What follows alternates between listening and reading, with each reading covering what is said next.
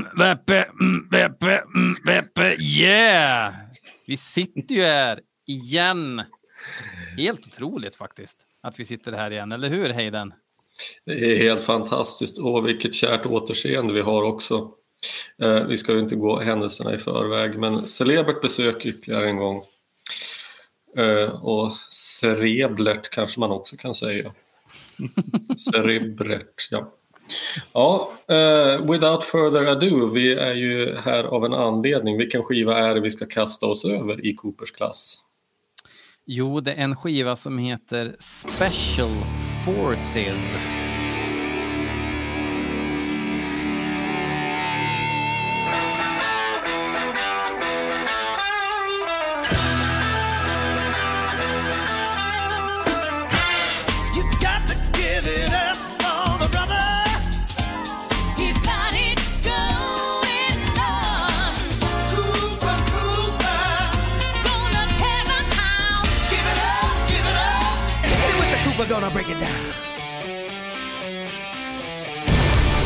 Och alltså, vi kände att vi behövde ju eh, ta in lite förstärkning så att vi har ju faktiskt hört av oss till Alex Bergdahl återigen. Är det tredje gången eller är det fjärde? Nej, tredje gången. Fjärde. Tredje gången är det som jag är med i, i podden. Annars brukar jag mest prata till den eftersom jag lyssnar på det här fruktansvärt mycket eh, och eh, kommenterar och säger till när ni tycker fel. Eh, jag hade er som, jag tror det var, jag kommer inte ihåg vilken det var, men när jag satt och signerade alla de här LP-skivorna som jag gjorde så hade jag en, ett av era avsnitt som kompis. Och sen så när jag körde bil mellan Skellefteå och Umeå, där när jag var uppe och föreläste där i april, då släppte ni ju Ghost to Hell podden precis då. Ah. det var ju den ljuvligaste bilresan. Solen sken och det hade varit snöstorm men det var sol när jag körde och så lyssnade jag på podden om Ghost to Hell. Ja, det var helt fantastiskt. Tack så mycket för att jag får lyssna. Men är det, med igen. är det någon specifik... Är det någon specifik faktoid eller eh, tyckande som, som du har eh, rasat specifikt över som vi skulle kunna ta och eh, lyfta här nu? Uh, de, de, den lite, det, det, nämns, det pratas inte så mycket bootlegs och sådär och det förstår jag. Det är ju få som håller på med sånt. Det är ju olagligt dessutom. Usch, piratinspelade konserter på kassett. Eh, men det har varit lite, jag, jag, tror om det var på Welcome to my nightmare där det blandades lite friskt mellan eh, konsertfilmen från London och den här tv-specialen som bara hette The Nightmare. Ah. där satt jag bara, ja men jag vet, oh, det här, för det, ni diskuterar någonting där. Jag bara, men, men, men jag vet, det här, men vänta, kan ni inte bara ringa mig nu så kan vi bara klargöra att det är så här det ser ut. Varför och, ringde du inte då medan vi spelade in? Ja, ah, just det, du lyssnar ju. Nej, jag lyssnar ju inte. Det, ja, nej, det, nej, det, det, det är mycket, mycket svårare att ringa in när det inte är live. Ja, det är, omöjligt skulle jag säga. Nästintill omöjligt faktiskt. Så att, men den, den var rolig. Men i shit you not, Billion Dollar Babies eh, avsnittet. Den skivan hörde jag ju senast för 30 år sedan och eh, det var inget kärt återlyssnande för jag tycker fortfarande inte det är en bra skiva men alltså avsnittet gjorde ju den skivan så jävla intressant helt plötsligt. Vad kul! Så att det, det, det, fick en helt annan dimension där så det återigen tack. Mycket, mycket trevligt. Ja, men jag förstår vad du menar för jag har också tänkt lite grann på det här Welcome to my nightmare avsnittet. Eh, därför att du, du är inte den enda som eh, kommer med påpekanden så att säga efter att det var klart. Och nej, det, var, det rådde förvirring över vad som var vad. Eh, så uppenbarligen hade vi, ja, hade vi väl olika förkunskaper om vilken, vilka segment som tillhörde vilken film så att säga och vad som egentligen utspelade sig på på de respektive skärmarna som visade dem. Vi har ju lite grann eh, själva refererat till det avsnittet som att det är liksom våran Lace and Whisky lite grann. Att, eh, att vi trevar och det blir inte alltid så. Men däremot så kan jag faktiskt fortfarande få magsmärtor av att vi pratar ner Some Folks lite väl mycket i det avsnittet. Eh, ja, jag skulle nog säga att jag till och med har ändrat uppfattning jag var nog minst kritisk till låten då. Jag tror att jag var lite mer ambivalent, men jag, jag tycker fan den är klämmig nu så här. Och den här märkliga live-versionen med skeletten då innan låten så att säga kommer igång live så har de ju dansande skelett på scenen. Mm. Det finns ju en bootleggingspelning från Gröna Lund där man hör “Kolla, det är skelett på scenen”. Och, och, det är så mycket kärlek i sånt så att jag, jag, jag vet inte om jag tycker låten är bra men jag tycker den är den är så rolig så att den blir bra av det. Och så. Ja, men det är så mycket sånt. Men det, det, är alltid roligt i slutet att höra betygssättningarna och sådär. För det, man måste ju sätta betyg och det är fan det svåraste när man bara vill sätta ja. full pott på allt för att det är Alice. Men ska mm. man då vara lite, försöka vara lite sådär, ja men om, om, om Love It To Death är full pott, kan, kan, nästa också vara full pott då? Fast det är inte riktigt sant, eller jo lite. Ja. Jättesvårt. Alltså antingen så kör man ju Nifelheim-varianten när de betygsätter Iron Maiden och det ger, ger dem full respekt. Eller jag vet inte fan om det är respekt, men någonting positivt här i alla fall. Har du hört nya Iron Maiden? Vad var det? Ja, det Virtual Eleven då? Ah, ah, ja, ah, det, du, det är det bästa. Man sitter som i koma. ja, fantastiskt. Ja, det, ja, men i och för sig sitter man ganska mycket som i koma när man lyssnar igenom Virtual Eleven.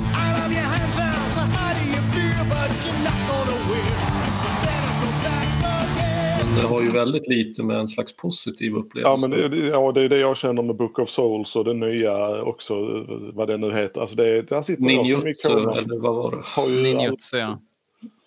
Jujutsu, ja visst. Ja, ja, ja.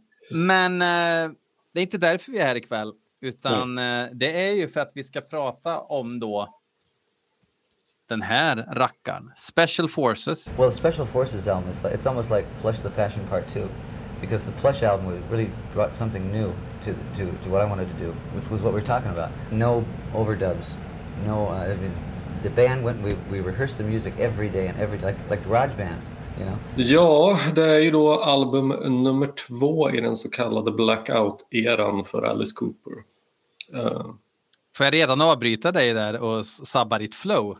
Mm. Uh, men um, jag läste faktiskt för åtta minuter sedan, ungefär, att uh, Flash the Fashion inte ingår i blackout-eran. Det kan vara ett eh, rent typo på eh, den trovärdiga källan Wikipedia. eh, men det var första gången jag läste det, så jag tänkte jag missuppfattade. Det är väl de här fyra i rad som är blackout-eran. Det, det skulle jag ju bestämt hävda. Ja, samma här. Eh, vad jag har förstått, jag, jag, jag, jag vet, eh, jag, vet vad du tänker på, vi har också läst det där. Men man kan väl säga att det kanske, alltså att Flash to Fashion är väl delvis en blackout-skiva. Att det är väl, eh, åtminstone enligt de uppgifterna, den av dessa fyra skivor som han har några minnen av att ha varit med och spelat in och har några, eh, ja, några bilder kring. Men eh, jag menar, om vi säger så här då, i folkmun eller vad man normalt brukar räkna in i den, denna era, blackout-era. Så ja, men nog är det de här fyra skivorna. Och sen återigen, det är ju som vi har konstaterat förut att frågan är om det verkligen är sant att det verkligen är blackout-skivor på det viset som det har låtit påskina. Så jag är ganska skeptisk till det. Jag är skeptisk till alla som har glömt flera år. Jag är osäker mm. på om det går. Nej, då ska det nog vara Sture Bergvall. Ja. ja. Eller Jimmy Åkesson. Man vet aldrig. Det är liksom... det är samma sak tänkte jag säga. Mm. Yes. Uh, uh, ja, men uh, om vi fortsätter bakgrundshistoriken då. vi säger i alla fall att det är albumen nummer två i Blackout-eran. Och det som skiljer denna lite grann ifrån föregångaren är ju att Alice satte ihop eller åtminstone hade ambitionen att sätta ihop ett helt nytt band eh, inför denna gång. Och eh, den huvudsakliga musikern som skulle medverka heter väl Mike Pinera. Eh, uttalar jag namnet rätt? Jag är lite osäker. Pinera? Kanske? Det skulle jag gissa att det uttalas så. Ja. ja, han var i varje fall i slutet av 60-talet med i ett band som heter Blues Image Eh, som eh, enligt uppgift, som det heter, var lite, var smånära att breaka men det blev väl egentligen ingenting på riktigt.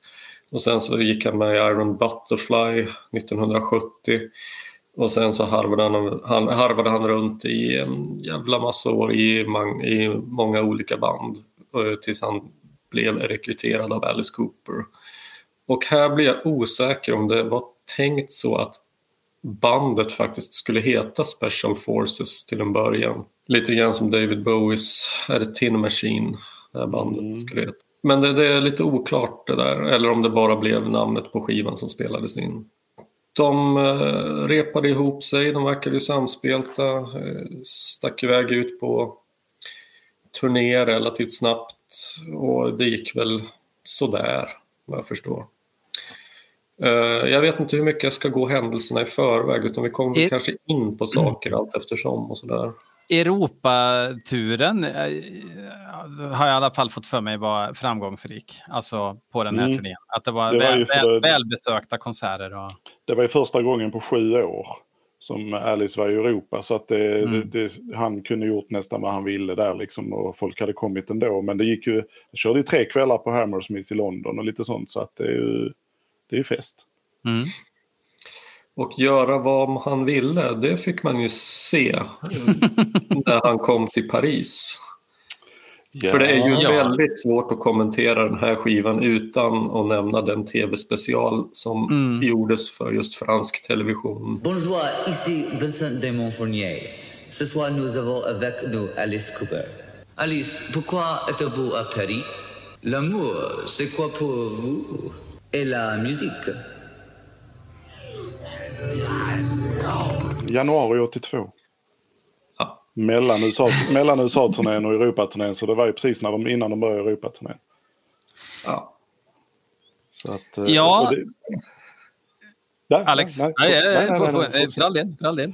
Nej, det, det är det som eh, fascinerar lite med den här plattan för min del är att den, det, var, det var länge sedan man fick en egen värld eh, Eh, av Alice. Och det får man med Special Forces för att den bjuder in till en egen det skulle kunna varit ett eget band och sådär. Man får en egen värld, det händer väldigt mycket, det finns mycket material härifrån både bootlegs och tv-framträdande och så vidare.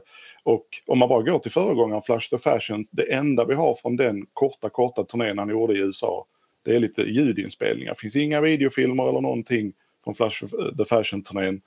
Uh, finns liksom, och han gjorde inga särskilda tv-framträdanden eller någonting. Men så kommer vi till Special Forces och då helt plötsligt då har, växlar han upp trots att han då uh, snortar i sig allt som rör på sig och inte rör på sig.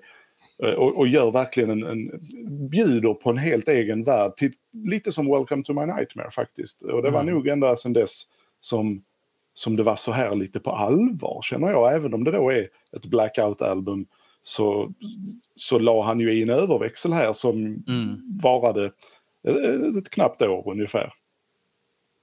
Och eh, skicket på hans eh, ja, röst är ju jättebra på de här liveklippen som jag har sett och spelningarna och sådär. Alltså han sjunger ju skitbra och har en liten annan scenpersona överhuvudtaget.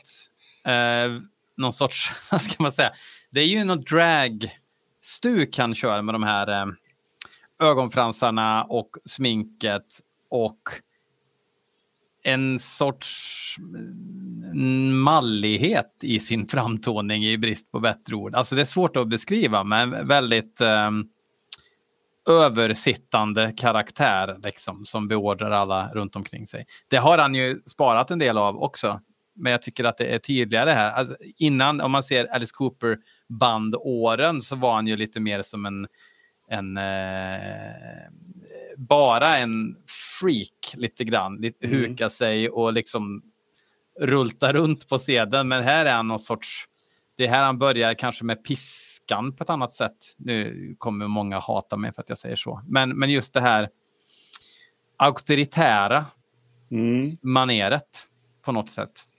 Ja, alltså det är ju... Det är en, en slags... fråga som jag ställer egentligen snarare än ett påstående.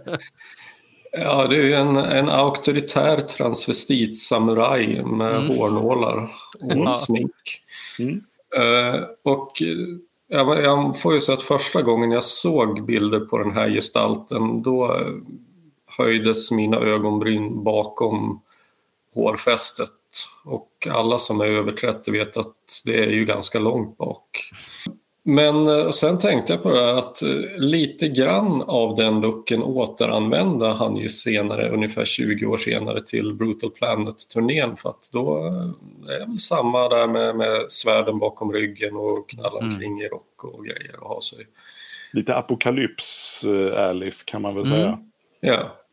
Absolut. Eh, Och det är tydligen, ja nej men det, det kan jag väl också säga att jag menar imagen för det här bandet skulle ju då vara någon slags alltså militaristisk eh, legosoldathistoria. Nu ser det väl egentligen mest ut som ett gäng ganska förvirrade ungtuppar i jumpsuits som slänger omkring. Men visst var han, han var väl typ besatt av Guns N' Ammo-tidningen och grejer under den här perioden. Och det var det han fick eh, idé, eller konceptet ifrån. Eller ja, koncept, ja. Ja. men konceptet. Det, det här, här har jag faktiskt en, lite av en anekdot. Det är inte Guns N' Ammo utan det är Soldier of Fortune. Soldier of Fortune kanske det var. Mm. Och, eh, då måste fråga, är det någon av er som läst den publikationen? Jag gissar att den är Inte. vänstervriden. Ja, det, det känns ju som en otroligt eh, konservativ tidning. Eller, eh, Ja, alltså jag kan, så här att när jag, när jag fyllde 30 år då bodde jag i Oslo men jag hade några snälla kamrater som skickade mig ett slags carepack på min 30-årsdag. Och jag kan nog lugnt säga att om Säpo eller norska säkerhetspolitik PST hade öppnat det här då hade jag nog varit på deras radar än idag.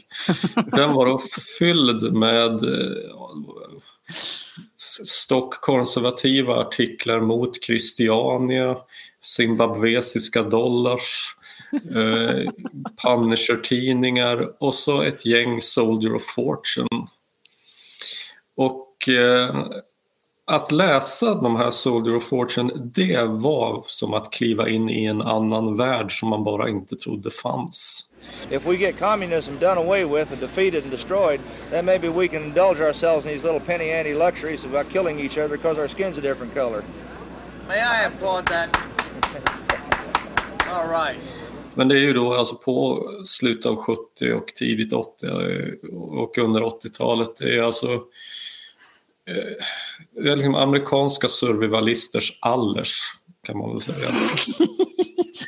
Och det är liksom sida upp och sida ner med reklam för eh, handeldvapen, automatvapen, avlyssnings... Eh, eh, eh, elektronik, radioapparater och ja, nya vapensystem och annonser. Jag tror att Soldier of Fortune hamnade i klister därför att det var ju legosoldater som annonserade ut sig själva i på så liknande kontaktannonser i, i den här tidningen.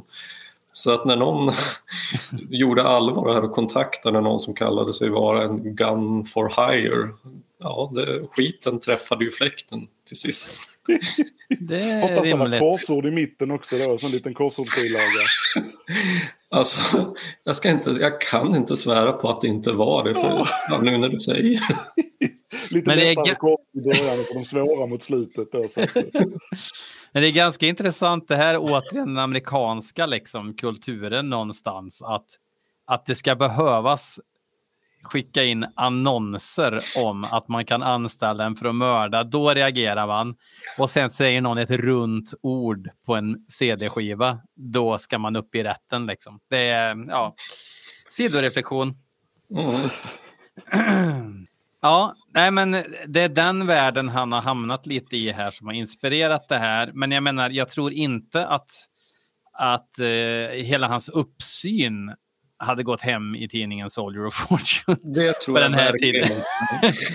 det är liksom så här, det, det är eh, Unabombar-retorik blandat med queer. liksom, det, det är rätt skruvat alltså. Och kokain. ja, Och kokain på det. mest det tror jag.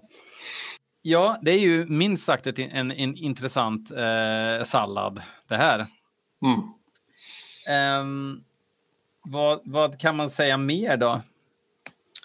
Jag läste någonstans att en av, inspiration, eh, en av inspirationskällorna skulle ha varit delar av Los Angeles rockscen och att det i början fanns något någon vag konceptidé om att man skulle göra någon slags gitarrbaserad punk och att den skulle reflektera utvecklingen i stadens musikliv. Men det här skrotades väl ganska fort men eh, det levde kvar lite av den idén i och med att de gjorde en cover på Love, då låt mm. nummer två på skivan som vi kommer att komma till senare.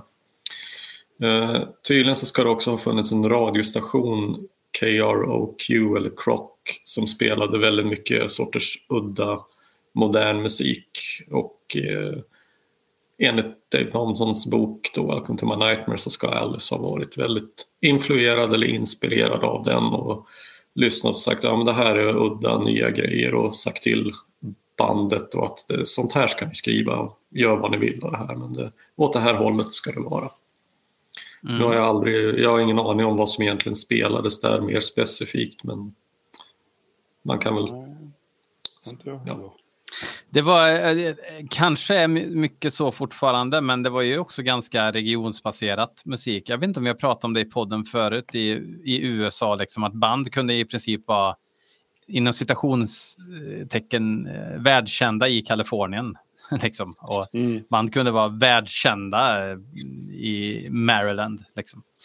Eh, men att det liksom inte USA sitter ju inte och satt definitivt inte ihop på samma sätt som många andra länder gör ju. Um, så att uh, det fanns säkert mycket intressant musik som kanske inte tog sig utanför uh, den scenen, liksom. men som ändå var stor nog att spelas på radio. Nej, alltså det är väl också därför nu, det här blir lite fri spekulation, men då när när kanaler som MTV dyker upp och faktiskt blir rikstäckande så att alla i samma land faktiskt kan ja. ta del av mm. samma, samma artisteri. Då förändras det. Inte var, exakt så var det ju, att helt plötsligt så band hade lättare att ta sig ut helt enkelt. Även om det var ju, det var inte supermånga som hade den chansen, men eh, chansen ökade ju åtminstone såklart om spridningsmöjligheterna är större så, och kanalerna är fler så ökar möjligheterna. Sen är det ju inte alla mm. som är bra nog ändå. Liksom, men, eh, Nej. Och just där, där är ju ett skifte där. Det pratar, kommer jag, kommer jag ihåg ni pratade om i Flash the Fashion också. Det var ju mycket snack om det här om att de stora drakarna fick ge sig nu då med Yes och Genesis och allting och gå ner och spela mindre ställe. Eh, medan en annan musikform skulle ta vid och så vidare. Och det, det sa ni också att det är en sanning med modifikation, men det, det, det ligger någonting i det. Det var ju ett skifte. 79-80 är ju ett stort skifte i musikvärlden oavsett om något blev större eller mindre. Men man kan känna att det var 80-talet låg i luften, det var någonting annat var på gång. Liksom. Och med det kom en ny teknik som gjorde, gjorde det möjligt, för, istället för att släppa små lokala singlar och sånt så kunde man nå ut till en större publik och så vidare. Och problemet var ju då bara för vissa av de här lite äldre som hade varit med ett tag som inte riktigt och nu säger inte jag att det var Alice, men det finns ju band som kanske tappade lite, som inte riktigt hängde med där. Alltså lite som några år senare med, med internets ingång och, och mm. när Metallica stämmer Napster. Och så, men det var ett bolag, nu, finns, nu, nu kan du inte hejda den utvecklingen ändå. Så det var ju bara det var ju poänglöst liksom. Mm. Uh, men det blir lite skrika på väderkvarnar. Liksom. Ja, men lite att man tar en fight för man förstår inte vad det är man fightar om. Man, man tror att, jo men efter, eftersom det alltid, för mig har det alltid varit så här och då kommer det alltid att vara så här. Och, mm. och så tar man en fight för att behålla det trots att världen obönhörligen går framåt oavsett vad vi tycker om det och vad vi mm. tycker är framåt. Det tycker jag är intressant. Men Alice, han gör ju han, det, han, är ju fin på det att fram till idag så går han ju ändå, han går sin Alice-väg i det hela. Mm. Uh, och det, det, det, det, sista någon trodde var nog att han skulle klä sig i de här stickorna i håret och militärgrejerna och gå ut och ställa sig. För jag tror fan piskan är första turnén här faktiskt. Mm. Special Forces. Mm. Vi, nu vet vi ju ingenting om Flash the Fashion, vad han gjorde på scenen där. Vi har foto därifrån. Inte ett enda liveklipp har vi. Vi har bara live-låtarna och så vidare. Men det förtäljer ju inte vad som händer rent visuellt. Men innan eh, 80 så har vi ju ganska mycket material. Jag tror inte det var piska 79, jag tror inte det var piska 77. 75 var det definitivt ingen piska. Nej. Så att... Att det kan vara först att det är lite våldsammare, får man säga det? Alltså, Ja, Kiss kommer med en stridsvagn, Alice kommer med liksom en, ja, men en våldsam framtoning snarare så, som kanske som en reaktion då på att på Reagan-USA med nu ska vi Mm. tillbaka till det traditionella, vi ska tillbaka till 50-talet. Kvinnor Mm. ska vi låsa in i köket igen, hålla på med women's eh, frigörelse, frigörelse det är ingenting för oss liksom. Mm. Eh, Och så kommer detta som en motreaktion till det, att man, man steppar upp våldet lite. Det, jag vet inte. Jag drog det ur röven nu, men jag, jag känner att det Ja. kanske finns lite bäring. Ja, men alltså, det, det är konstigt för det är ganska mycket som förändrades 1980 och inte bara musik. Liksom. Mm. Eh, även i den politiska världen liksom. Mm. med just Ronald Reagan. eh, Mm, som och inte Thatcher. och Thatcher. Ja, Absolut. definitivt. Eh, Jag tänkte bara flika in där som en liten övergång. Att eh, det, det närmsta, vi sa ju det i förra avsnittet, men jag antar att det närmsta man kommer någon slags visuellt framträdande av Flash the Fashion-eran, det är väl det som visas i, i filmen Roadie, där han gör någon slags fake live-klipp med låten Pain och det kanske var någon annan också. Eh, Men det jag hade tänkt göra eller säga är att eh, filmen Roadie kom indirekt att få en ganska avgörande inverkan på just det här albumet och varför det kanske varför det sålde mycket sämre än vad det hade kunnat göra. Och det var någonting jag läste nu alldeles nyligen. Eh, Men jag, kände ni till det här att Alice faktiskt var finansiär och typ producent till filmen Roadie. Alltså att han hade mycket mer att göra med den finansiellt än vad man hade kunnat tro. inte, aldrig inte hört. bakom. Nej, tydligen så, eller enligt eh, Thompsons bok eh, så ska historien ha varit att Alice Cooper låg på Warner Brothers och, och så spelades det in en film med Alice i och som han hade väldigt mycket att göra med och detta var ju då Roadie. Och Warner Brothers räknade kallt med att de skulle få rättigheterna till den filmen. Men eh, av någon anledning så valde Alice att inte alls ge dem det utan eh, det här gick till några andra. Och de vart skitsura och sa att okej, men då kommer inte vi att backa upp eh, Special Forces-skivan heller.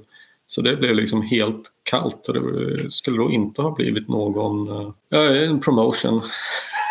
Jag tog fram soundtracket för jag tänkte, och det står ju mycket riktigt, det är ju det, det är ju Alive Enterprises och Shep Gordon är ju exekutiv producent på denna.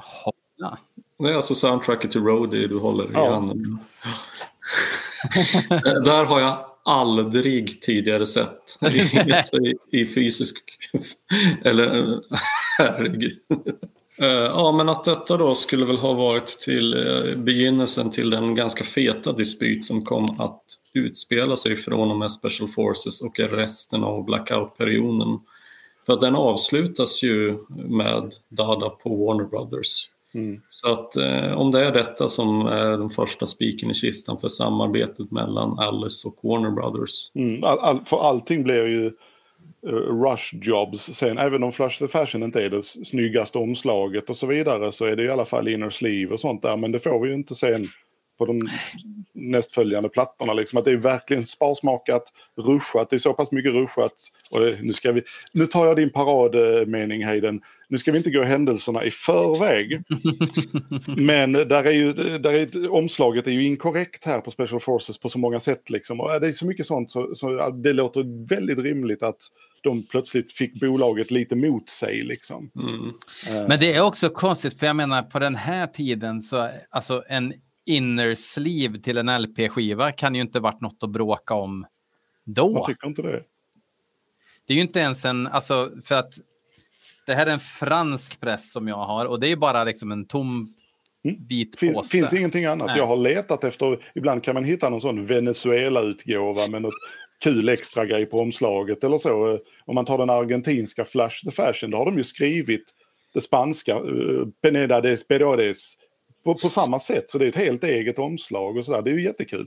Men med Special Forces finns ingenting. Den gavs inte ens ut i Japan på LP 1980. Oj, För det hade Det varit roligt, de är ju duktiga på att lägga med textblad och sånt. Men jag har varit inne på Ja. Discogs och letat för jag hade fan varit beredd att lägga rätt mycket pengar. Bara för att få någon liten bonusgrej. Det är ju Alice, Mm. man vill ju ha något, något att pilla med samtidigt som man lyssnar liksom. Vi är ju vana vid det. Gnuggisar eller någonting. liksom. Ja men en liten, Ja. liten, liten i nuggets. Special Forces stormkök som man kan montera samtidigt. Som... Ja, ja visst. Jag visst Ja, ja, men någonting. Ja, nej, men det, det låter väldigt märkligt och det, det, det säger ju en del också om maktförhållandena Mm. då och nu. Att Mm. man eh, tycker att det kan finnas, att det är värt att sabotera eh, sin egen artists karriär. Liksom. Ja, alltså det känns ju tämligen kontraproduktivt därför att eh, det är ju eh, precis som du säger Alex att det, det blir rush jobs och Eh, så blev det ju tydligen precis efter den här lilla turnén som gjordes på Special Forces att de, eh, Warner Brothers krävde att eh, in i studion och ut med ett nytt album så fort det bara går och att det är, blev ett, ett snabbt tillskyndat projekt i och med nästa skiva, Zipper Catcher Skin. Det får man väl, utan att säga allt för mycket, men det, det hörs ju ganska tydligt att det här är ju gjorts ganska kvickt. Jag gör- rör inte en min här. Nej. Mm. Stoneface. Um, ska Men vi ska- snacka lite relation då? Ja, Mm. Ska jag börja? tyck, ja, jag tycker gästen börjar. Jag kan börja. Ehm, när jag började högstadiet så lärde jag känna en eh, ny kompis som heter Magnus och han, han gjorde lite som jag. Jag var ju Kiss-Alex och han ville, eller han hittade Alice då och gav sig in i det. Köpte alla skivor han hittade. Eh, oavsett vilka. Så att jag hade under några år eh, hört ganska mycket Alice eh, hos mina äldre polare. Men, men vissa plattor de rörde man inte riktigt vid. Den första plattan var olyssningsbar tyckte man. Men det har vi ju pratat om i tidigare avsnitt att den inte är. Eh, men vi gjorde liksom ingen skillnad. Så vi, vi satt och spelade Super Nintendo. eh, Först vanligt Nintendo, sen Super Nintendo. Och så lyssnade vi på alla Alice plattor hela tiden. Gick hela, hela, hela tiden. Och Special Forces var en av dem. Och den fastnade jag ganska fort för. Ehm, så att när, min stora relation till den är bara glädje faktiskt. Eh, och jag tror det är därför att jag har en sån glädjefull relation till allt som Alice gjorde fram till och med Last Temptation. Att det, det gick hela tiden samtidigt som vi spelade nya Zelda till Super Nintendo eller Super Mario 3 eller alltså alla de lustfyllda glädjerika spelen som jag präglade min ungdom. Och eh, så, så, så jag hamnar ju alltid i det facket när jag lyssnar på de flesta av Alice skivor. Men jag har märkt nu på äldre dagar, eftersom jag börjar närma mig den eh, övre medelåldern, så har jag märkt att vissa skivor faktiskt betyder ytterligare lite mer. Det finns någonting mer i dem som gör att de går lite, lite djupare in i hjärtat.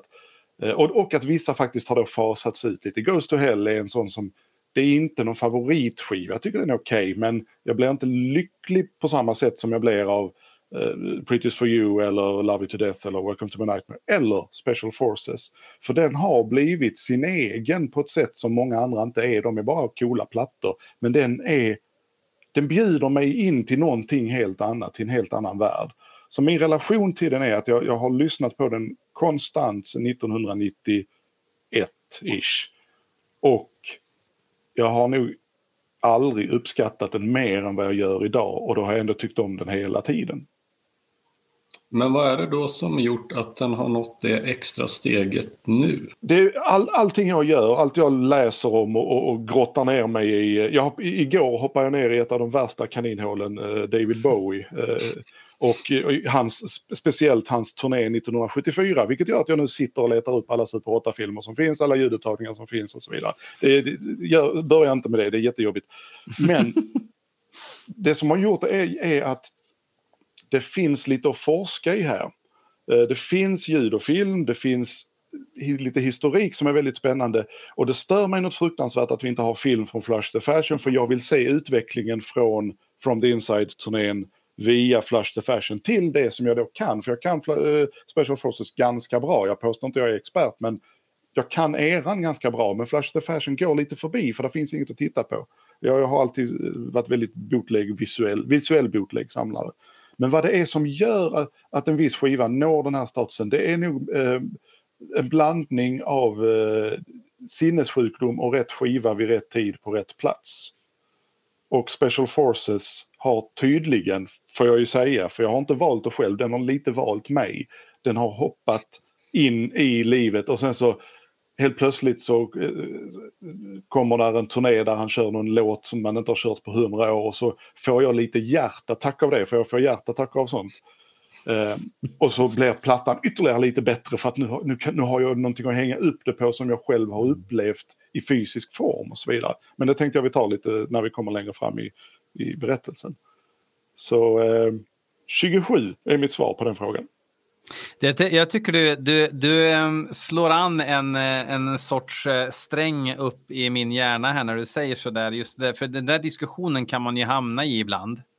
Att man kan säga det där bandet hade inte varit så stort om inte de hade också haft den här grejen. Den här, um, um, nu hittar jag inte ordet, men den här egenheten att de gjorde det där, och bara för att de var med och gjorde det där så är de så hypade idag.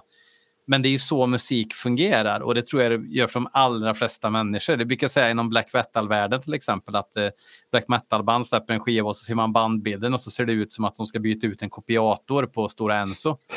Alltså, det tar död. Det tar död på magin i musiken. Då kan man inte höra musiken och se någonting framför sig. Om inte musiken är så jävla bra att det nästan tippar över, att det blir mm. extra coolt. Att de bara, ja ah, men det här är våran musik, fuck you liksom. Men kontext och uh, uppskattning av musik hör ihop så jäkla mm. hårt. Absolut. Det går inte komma ifrån det. Eh, om man inte liksom bara ser musik som att ja, men det är ungefär som att städa ett akvarium. Liksom. Ja, men då kan man väl sitta och lyssna och inte bry sig. Men om man verkligen är passionerad älskare av musik så hör saker och ting ihop. Jag tycker att det var... Ja, ja alltså, det var ju inte för att Ishan stod med bibliotekariebriller och gitarr med dansbandshöjd i fullt dagslys på vacken som fick mig att dyrka döden en gång i tiden. Nej. nej, nej. Det är någonting med... Eh... Nej, shit, nej, jag orkar inte. Ja, nej, men eh, nej, precis. Eh, det är liksom att när artister utstrålar att de hellre gör något annat på scen, då...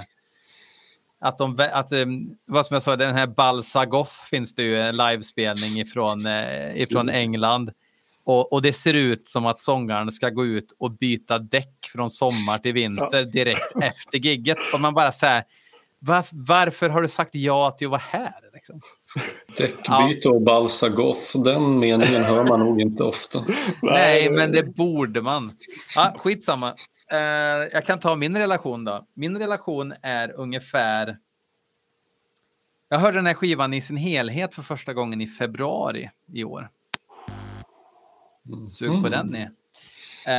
Um, och då, jag har ju hört, alltså Dada, nu ska jag inte gå händelserna i förväg, har jag massa åsikter om, därför har jag haft den ganska länge. Uh, I tio år ungefär, för tio år sedan. Och det var väl då som jag för första gången liksom uh, jag doppar ju inte ens tån i blackout-eran, men som kanske blir medvetandegjord om att det finns eh, en historia runt Alice Cooper som, som som är som en brygga mellan 70 och 80-talet. Liksom. ja. Som man ju skulle kunna säga att blackout-eran är på ett sätt. Eh, men sprang aldrig på den här. Och nu när jag kände när vi gör den här serien, då beställde jag liksom alla skivor på Discog som jag inte har. Eh, och jag menar, den här får man ju, den här är kanonskick, liksom. jag tror 8 euro liksom. Alltså de, de kostar ju ingenting. Så att så jävla dåligt kan de inte ha sålt i alla fall.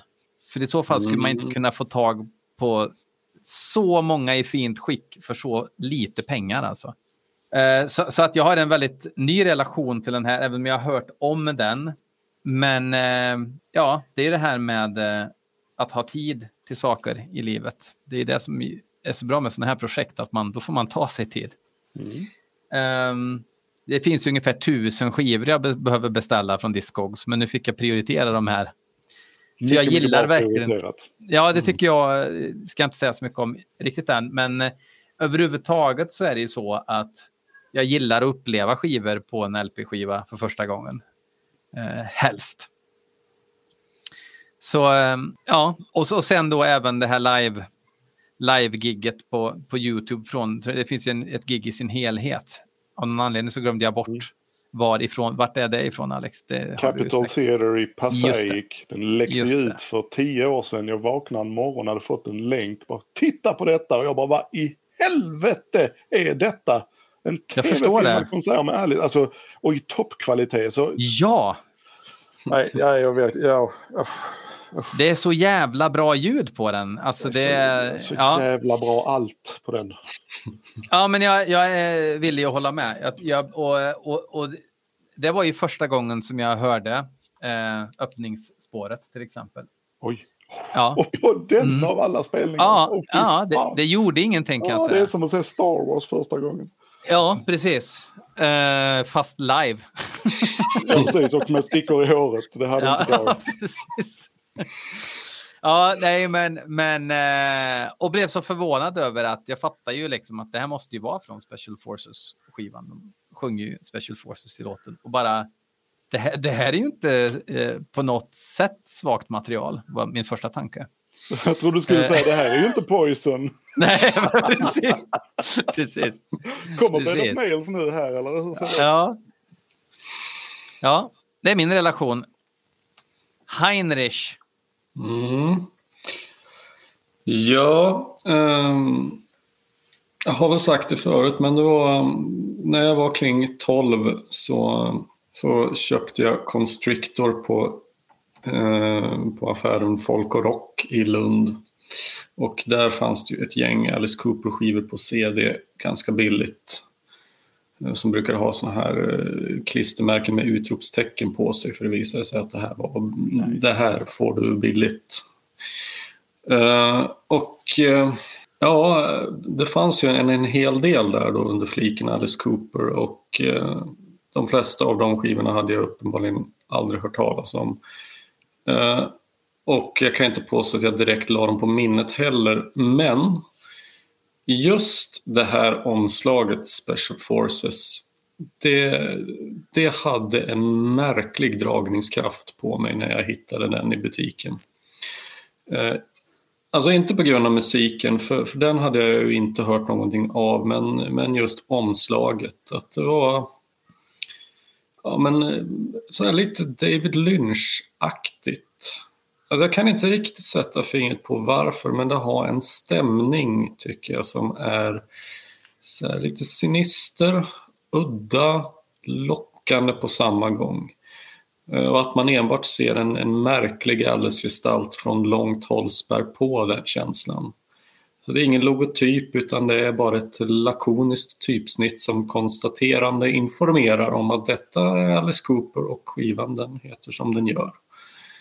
Eh, han han har en sån där udda känsla som jag alltid hade när jag stod och tittade på den.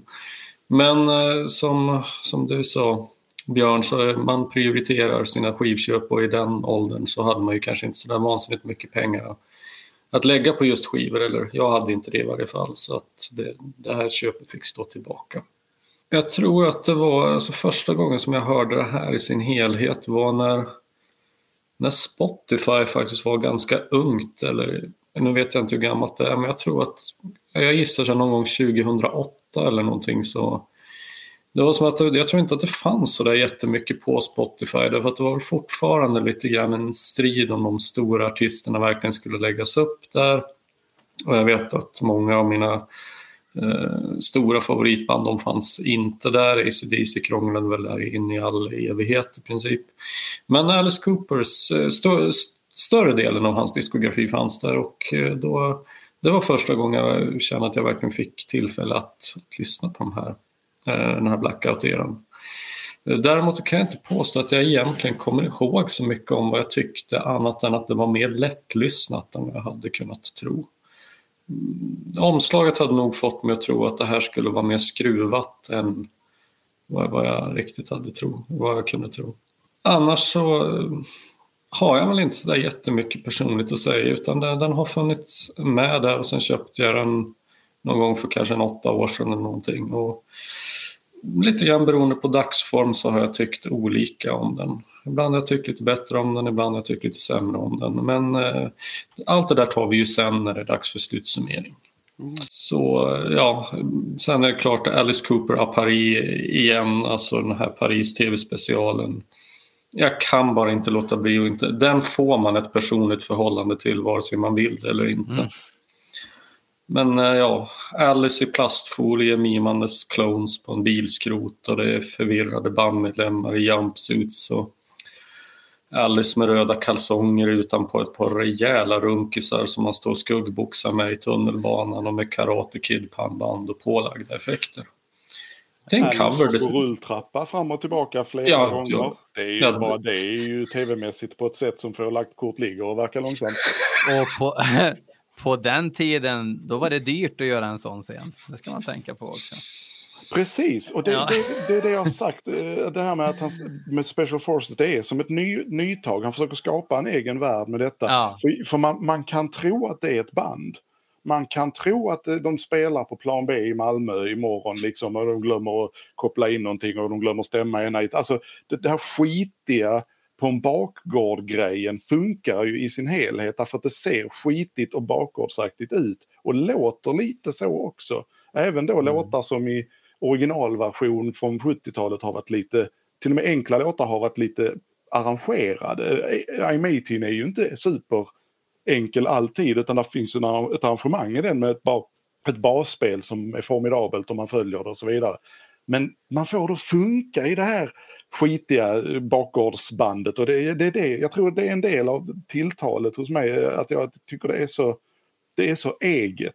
Och det är en så kort period. Det, det, ljuset brinner jävligt ljust under fruktansvärt få månader och sen mm. får vi inte se Alice på flera år, liksom rent visuellt. Och det, ja, finns något fint i det. Mm. Eh, ljudmässigt så är det här en skiva för folk som gillar höga trummor och hög sång. Mm. Det är väldigt höga trummor och det är väldigt hög sång och därför ganska låga gitarrer. Eh, mm. känns, känns inte som att det är en klantskallegrej utan att det är typ en annan grej. Jag vet inte. Uh, där reagerar man när, när trummorna kommer in. Ska vi börja med låt nummer ett då kanske? Mm.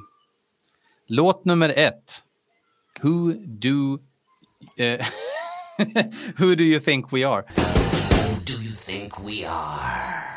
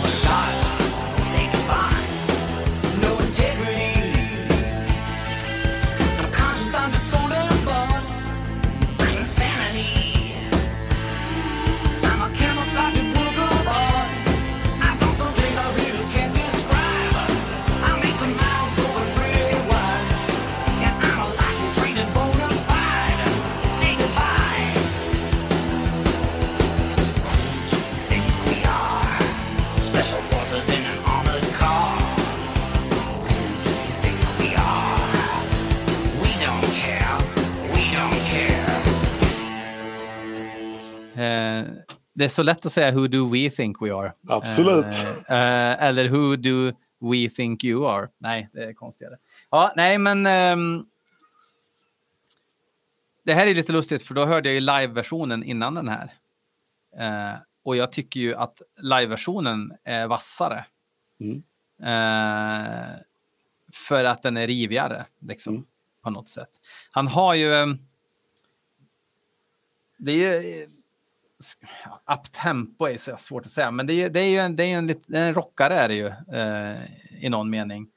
Och eh, jag, jag, jag, tycker eh, det är lite synd att han han har ganska låg energi i sången.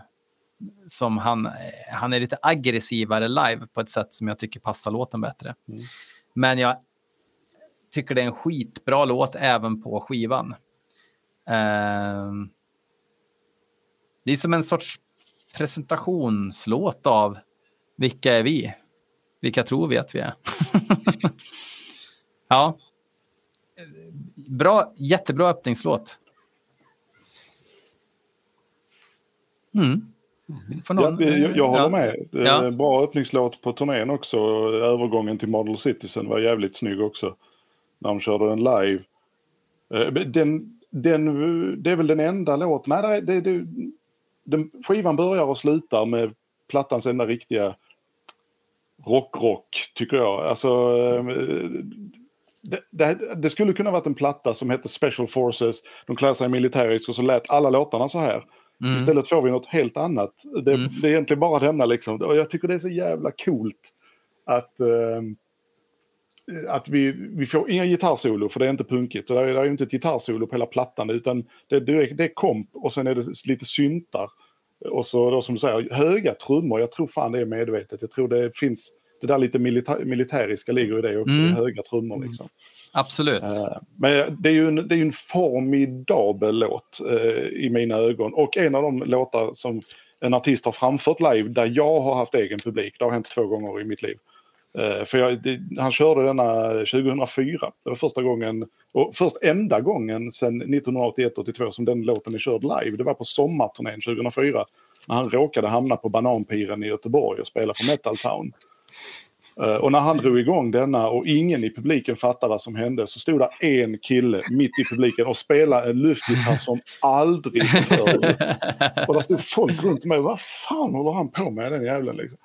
Det, ja, jag, jag var, det var en av mitt livs lyckligaste konsertstunder. Det var två och en halv minut på Bananpiren i Göteborg den 19 juni 2004. Det här är ju inte Poison, hörde folk säga. Pre- sa ju folket, för sen när Poison Ja. kom så kom alla nävarna upp och så blev jag jätteglad också för jag tycker det är en jättebra låt. Men eh, den kan inte mäta sig mot Who Do We Think We Are. Ja. Vad tycker Ja, Henrik? Du jo. spelar luftgitarr till den här ensam vid bananpiren. Eh, möjligtvis i en banan i pyjamaskostym för mig själv. Sittandes på en pir. Eller på Obscene Extreme kanske. Det... Ja, nej men eh, så här, eh, introt gör mig glad. Eh, Introt till skivan och låten, för det påminner mig också om introt till skivan Carnivore av Carnivore. Vara en absoluta favoritplattor. Eh, sen älskar jag också gitarrslingan i början på den här låten, för den låter som tagen ur Big Trouble in Little China, en av världens absolut bästa filmer.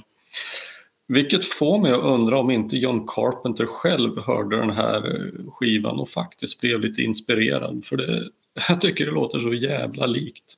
Dun, dun, dun, Tänker du på eller? Bing, bing, bing. De här ensamma tonerna. Ja, ja, ja. Ja. Mm, mm. Eh, och, ja, men alltså, det är en grym, simpel men väldigt effektiv låt.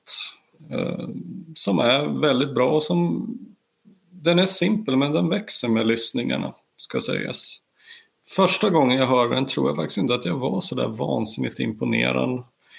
Eh, eller hörde den mer eh, ingående. Då. Jag, jag tror att det här att den är med på Life and Crimes-boxen, jag, är inte jag tror det men jag är inte helt säker. Men om det var det så passerade den ganska obemärkt. Men nu, ja, den där är skitbra. Jag har nog inte så mycket mer att säga egentligen. Jag får Jag för kommer mig... med en, eh, en Alex-inflikning. Som in, Eftersom jag nu är med så jag kommer jag reta mig på det här om jag inte säger det. Det här är ju den, en av de två låtar, för det är en singel, som är eh, en annan mix än det som kom på skivan. Ap- Apropå, apropå Rush Job så släppte de en singel med Who Do, We Think, Who Do You Think We Are och You Want It You Got It på B-sidan. Där båda de versionerna av låtarna är andra än de som kom på plattan. Mm. Eh, Det saknas en gitarr i Who Do You Think We Are. Ehm, och det saknas jättemycket i komp i början och sånt eh, på You Want It You Got It. Nej, nej, ska vi se. Där är extra komp på You Want It You Got It som togs bort på plattan. Men på um, Who Do You Think We Are så saknas en gitarr och det är lite annan mix och så vidare. Så den är ju släppt innan plattan släpptes Den här var färdigställd. Synt-signaturen som blir extremt framträdande live också. Mm. Tycker jag är mer framträdande i singeln. Den här grejen som dyker upp från ingenstans. Det Ja, blir jag det- glad det över. fräckt. Ja, det är fräckt och det är ju den enda, så vitt jag vet så är det den enda Alice-singeln som har eh, två annorlunda versioner. Förutom då sådana här när man kortar ner dem och kallar dem single edits och sådär. Men det här är två andra mixar. Och det är ju det, är- det, det är värt att handla singlar på Discogs för att höra dem kan jag säga. Ja, Det enda på rak arm jag kommer på i, i liknande riktning det är väl att om man lyssnar, om man kollar på filmen eh, Fredag den 13 del 6, Jason Lives, så går ju His Back under eftertexterna där. Och den är lite annorlunda där än vad den är på skivan. Den går lite fortare bland annat. Och så. Stämmer. Den ligger ju med i boxen, uh, movie version där ju. På His Back. Mhm. Ja, Jag lyssnade på den så sent som häromdagen nämligen. ja, ja okej. Så att då hör man där är ett annat, eh, ett annat bakgrundsljud och lite sånt också. Mm, det lite spännande. Mm. Kul. Mm. Ja, ska vi gå vidare? Nu är det dags för lite cover.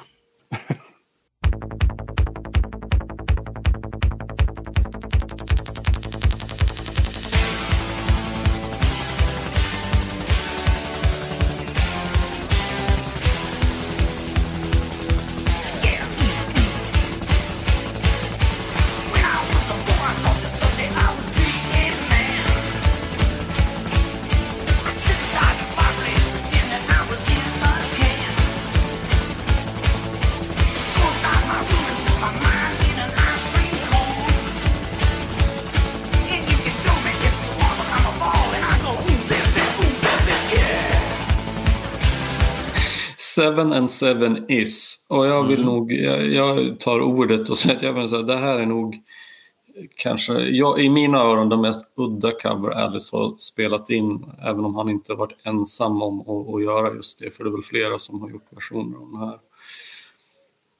Eh, originalet är gjort av Love, vars sångare Arthur Lee var han som såg till att Electro Records signade Doors, om är någon bryr sig om det. Men det var Ganska många skulle jag gissa Ja, okej. postumt. Ja, jo, i och för sig. Nej, men det, det var på hans inrådan. För att Love låg på Electro Records och tyckte, tipsade sin boss om att det här, det här ska ni lyssna på. Det här är bra skit. Så gick de till ett gig. Gjorde. Var inte imponerade först, men på andra vändan då lossnade det. Vill jag minnas.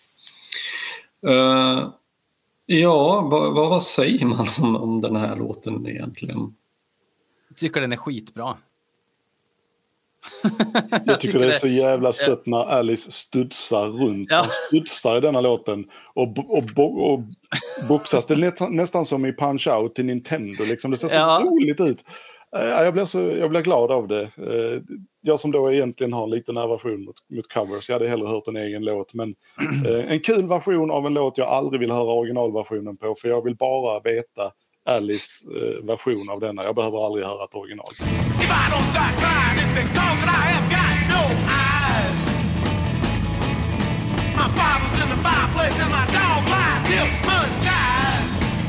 Det som är kul med originalversionen är att trummisen sackar på den. Det tycker jag är intressant. Det är väldigt ovanligt ändå på en 60-talsinspelning. Men Ja, de, ja. han ligger ju på virvel hela tiden. Och så kickar Qualuden in där mot slutet så han bara, nej Ja. jag tar det lite lugnare nu här. Sen är det mjölksyra. De hade ingen Cubase att kirra där med. Så att, eh, ja, nej, men, men jag, jag vet inte om jag tycker att, ehm, att, att den är... Alltså det är ju det är bara en, en produktionsmässig uppdatering av originalet, skulle jag säga. Mm. Kan, kanske att originalet är lite skrikigare än den här. Mm, Lite mer... Liksom. Det är mer den tonen, va? Medan eh, Alice kör ju sin grej verkligen. Sin, sitt sätt att sjunga på. ja. Vad tänker du då, Henrik, om låten? Ja, Jag, jag alltså- anar en skepsism. Nej, det, det så här, jag blev mest förvirrad av den. Eh, men, eller så här, jag blev förvirrad innan, man, innan jag förstod sammanhanget. För att jag menar, Arthur Lee, Doors, Los Angeles, ja, Alice Cooper, alltså, då, då är Ja. plötsligt de här stegen inte så jävla långt borta från varandra. Sen kan jag väl inte påstå att jag har någon sån här jätterelation till Love. Jävligt coolt band, Arthur Lee verkar ju vara en jävligt cool person. Men jag, jag har ett par samlingsskivor och Capo-skivan heter det. Men ja, det, det har aldrig varit några riktiga favoriter. Så att jag, jag kan inte säga att jag tycker Alice begår lustmord på en aktad låt. Utan det, eh, den är, båda versionerna är bra tycker jag. Men eh, jag säger ändå som, som Alex att jag hade nog hellre hört en, en egen låt än det här. Tror jag. Vi Jag- är jag- ganska förskonade på den här skivan om vi jämför med förra skivan där det var lite mer av den. Eller, eller på de ganska många skivor som har betydligt fler covers än just den här. Och sen också, det är väl eh, deep cuts man vill ha covers på. Där man försöker Ja. hitta något i en, en, lite en lite udda låt. Så man hittar någonting som man tänker att man kan göra själv. Det hade ju inte varit så jävla kul om de körde Smoke on the Water som cover på den här till exempel. Nej, och det, den ingår ju i världen. Alltså den har ju varit på plattan i 41 år och kommer ju inte att försvinna. Alltså den ingår i Special Forces-världen nu. Så att det, för mig är det en kul låt. Eh, Jag blir inte ledsen av att höra den, men det är inte den jag skulle lyssna på först om jag skulle plocka ut enskilda låtar. Men den ingår tydligt i Special Forces-världen. Och det, han gjorde ju den lite till sin eftersom de körde den live också såklart. Det var en av de få låtarna de körde. Lite märklig plats på skivan bara. Ja, Så liksom som att nu följer vi upp en, en, en stark öppningslåt här med en cover. Som eh, jag tycker är jättebra i och för sig. Eh, hade väl inte gissat det var en cover om jag inte läste på skivan att det är Arthur Lee som har skrivit den. Men Alltså det är ju lite konstigt också. Jag menar, nytt band, nytt koncept, militaristiskt och börja med Who do you think we are, Special Forces. Och sen gör vi plötsligt en, en cover på en låt som handlar om tonårskärlek. mm, Det är ju inte riktigt Soldier of Fortune-material, skulle jag säga. det finns det något uh, gonna be a man, liksom att det är någon, att någon så här mot queer, nej jag vet inte. Alltså långsökt det- kanske. Men, ja. Jag skulle väl nog gissa att eh, Alice har väl levt med den här låten själv väldigt länge. Alltså som sagt, LA är en del av den scenen. Och, de kör ju den nu för tiden med Hollywood Vampires. ja. Kör de Jaha. Seven Seven Ja, jag visste, jag missade dem när de var här 2017 eller 2018 eller när det var. Men då körde de ju denna låten live. Jag hade gärna hört Alice sjunga den live en gång, så att det var lite synd. Mm. Eh, så att det, det betyder nog mycket för honom, det kan man ju ana. Verkligen. Mm. Ja, det är Ja. hans vithatten kanske. Är Arthur Lee Los Angeles vithatten?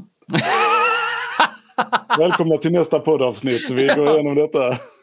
Nu kommer vi också märka att det blir lite kul när man ska kolla på baksidan av konvolutet och den egentliga låtordningen. Den här stämmer ju inte.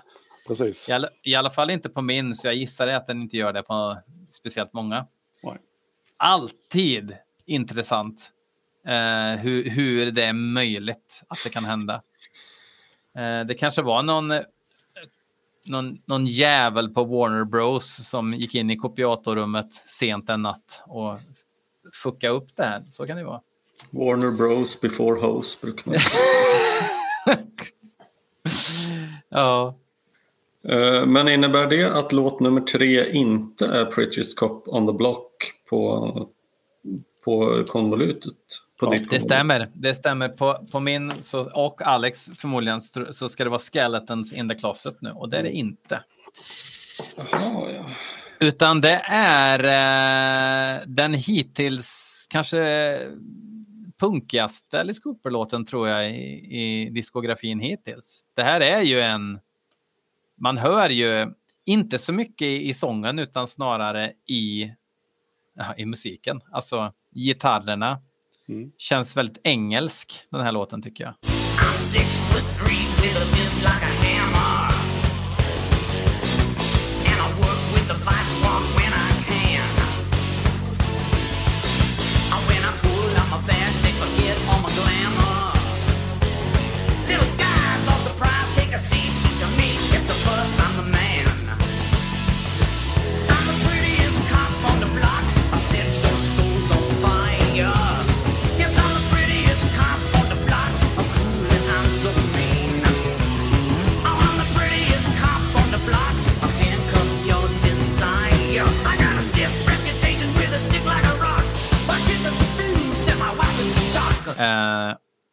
Jag gillar den här låten jättemycket också. Jävligt catchy refräng. Eh, Pop-punky för sin tid. Inte alltså Blink 182 utan snarare mer, eh, ja men kanske eh, The Damned, The Clash, kanske. Nu har ju inte Alice Cooper den dåliga smaken att eh, spela Reggie. Så eh, ja, det är ju fjäder i hatten. Bara så vi har det klart, är det Prettiest Cop on the Block vi pratar om nu? Yes. Ja, okej. För övrigt också, de första tre låtarna här efter första genomlyssningen så kom jag ihåg dem alla tre mycket väl. Mm. Vilket också är ett tecken på eh, styrka. Alex, vad tycker du om Prettiest Ehm. Cap on the Black? Kul låt. Alltså, kul är ju det som går igenom på plattan. Pl- Den hade ju inte platsat i eh, varken Guns N' Ammo eller Soldier of Fortune med den här texten eftersom den eh, handlar om transvestitsnut. Så att, Mm. Men där har, där har vi ju en blinkning till, till de gamla Alice. Alltså, Skräck-Alice är ju borta. Den, den, Skräck-Alice finns ju inte på denna skivan och det har han ju tagit ett steg ifrån redan innan. Liksom. Men han blinkar till det humoristiska släpper han ju aldrig. Eh, inte ens på de eh, sämre nutida plattorna eh, släpper han ju det. Alltså han är ju jävligt rolig Alice när han, när han sätter den sidan till. Och det här är ju en jävligt rolig text. Bara titeln gör ju att man vad menar du? Och så lyssnar man på texten bara, fan, det, är så, det är så glöttigt på ett, på ett så roligt sätt och så på ett så Alice-sätt också. Så att Eh, kul låt med en, en bättre text än många andra på denna skivan. För den här, den här känns väldigt genomtänkt. Vi Mm. kommer till några sen som jag inte tycker är lika genomtänkta. Men eh, nej, nej, nej, nej definitivt, eh, definitivt en, eh, en liten höjdare som en trea. Men alltså, när man tänker på det här med skräck då. För han, han, han har ju en tendens till att upprepa sig i intervjuer genom åren. Let's bring them the nightmare och grejer. Mm. Bringade han inte the nightmare 1980 här då? När det kommer auktoritära transvestiter liksom. Och, eh, Det är ju det- alltså, jag, jag kan mycket väl att han tänkte mig, vad, är, vad är vår kultur på väg och vad är det mest skräckinjagande Banan kan tänka sig? Jo, men det är väl såklart folk med otydlig sexualitet som kommer in och ska bossa liksom. Alltså, Och poliser. väl- Och poliser, ja. Kan mycket väl tänka mig att han har utgått, att han har gått från det hållet och skapat det här konceptet. Mm. Hög som ett hus också givetvis, men, men, men jag ty- tänker inte att det är otänkbart. Family values, liksom. Mm. Ja, Jag, brukar, jag märker att jag blandar ihop den här låten lite grann med Leather Boots från Flush the Fashion för att det känns lite grann som två grenar på samma träd. Eh, och jag, jag, jag, jag tycker bättre om texten än vad jag tycker om musiken. Jag, jag tycker att låten faktiskt passerar ganska obemärkt för min del. Jag tycker inte den är dålig men den har i mina öron är det inte några riktiga hooks som jag gärna hade velat ha. För jag, jag säger som Alex, det här är jävligt bra skrivet. Det här är snyggt formulerat och det är Alice i, i hög form som lyriker. Eh, så att eh, där känner jag lite grann samma sak som jag sa flera gånger om på eh, angående Flush the Fashion. Att även där så tyckte jag att texterna i många fall överträffade själva musiken. Jag hade gärna sett lite, hört lite mer i själva låten. Jag- Jag tycker att texten hade förtjänat det. Ja, jag, jag, jag eh, I agree to disagree. Jag tycker att låten är riktigt bra. Sumi. Mm. Eh, Eh, går vi vidare då till låt nummer fyra. Yes. Don't talk old to me.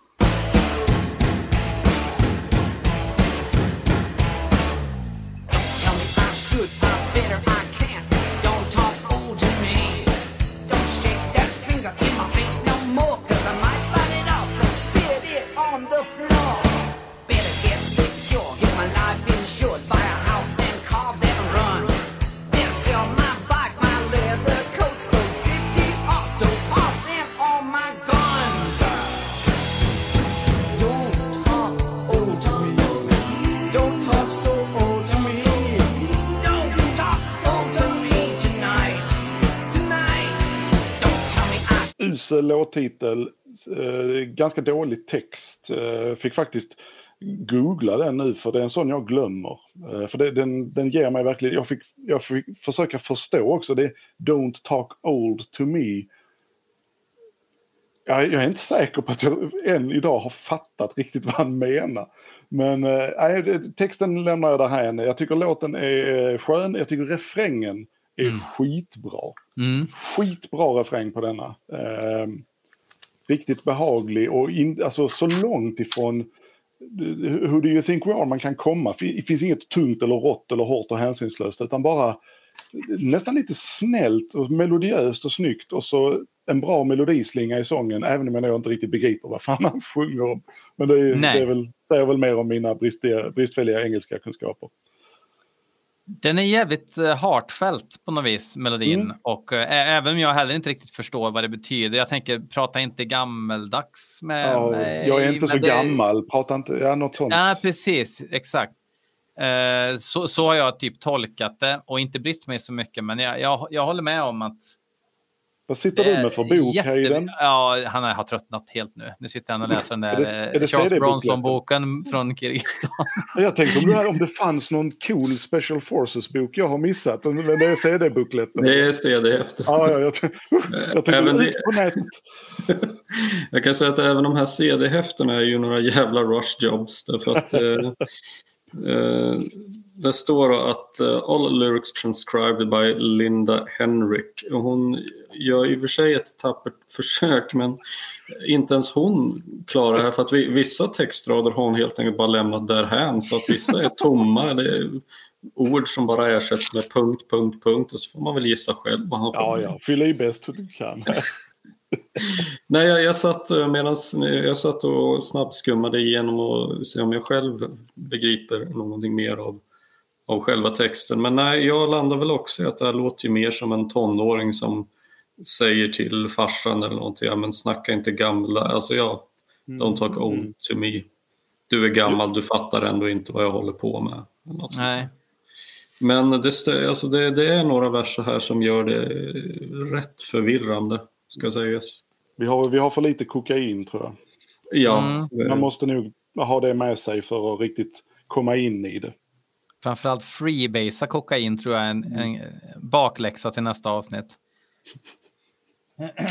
Ja, nej, men alltså det är väl någonting, eh, snacka inte, kom inte med sådana där gamla klyschor till mig som att eh, köpa ett hus och någon bil och säga att jag ska sälja min, min cykel eller om det är bike, om det är motorcykel eller mina läderkläder och mina, mina vapen för det är inget kul, det är inget kul. Ja, jag vet inte, det känns ganska, alltså punket får man säga. Mm. Själva låten tycker jag mest låter som Putting on the Ritz på gott och på ont. Alltså jag känner att den här podden drar oss isär. Jag får Hayden. koppla ihop, jag får lyssna Ja. på den. Det här, det här det hör jag inte dun, alls. dun, dun, dun, dun, dun, dun. Ja, nej, nej, jag, jag, jag, Intressant. alltså, jag kan förstå vad du menar. Men jag tycker också att det är elakt på samma gång. Jag tycker att Putting on the Ritz är en bra låt, för att inte tala om Onkel Konkels Putting on the Fritz. Ja, ja, ja. eh, Han fick en r- Röv som en familjepåse chips. Putting on the Putting on the Fritz. Ritz. Ja, Alltså, jag tänkte att han fick en kostymplats i Svenska Akademin, det ser jag som ett jävla tjänstefel. ja, Alla kvalitetspoddar nämner Onkel Konkel minst en gång i varje avsnitt. Ser. absolut. Absolut. Ja. Nej, men jag vet, Ehm, själva låten är väl kanske lite för simpel för att bli betydelsefull, men det är väl lite juvelströssel på kakan med syntrudelutter och småroliga simpla basgångar, kan jag väl tycka. Men jag tycker, jag, jag tycker det är en eh, jävligt fin, eh, framförallt refrängen. Jag tycker det, jag vet inte, den eh, slår an en liten nerv i mig. De grabbiga i rockklassikerstudion på morgonshowen kommer säkert skratta om de hör att man säger så, men det, en annan femma. Eh, vad har vi sen nu då? Ja, på tal om udda, den här live-versionen av Generation Landslide.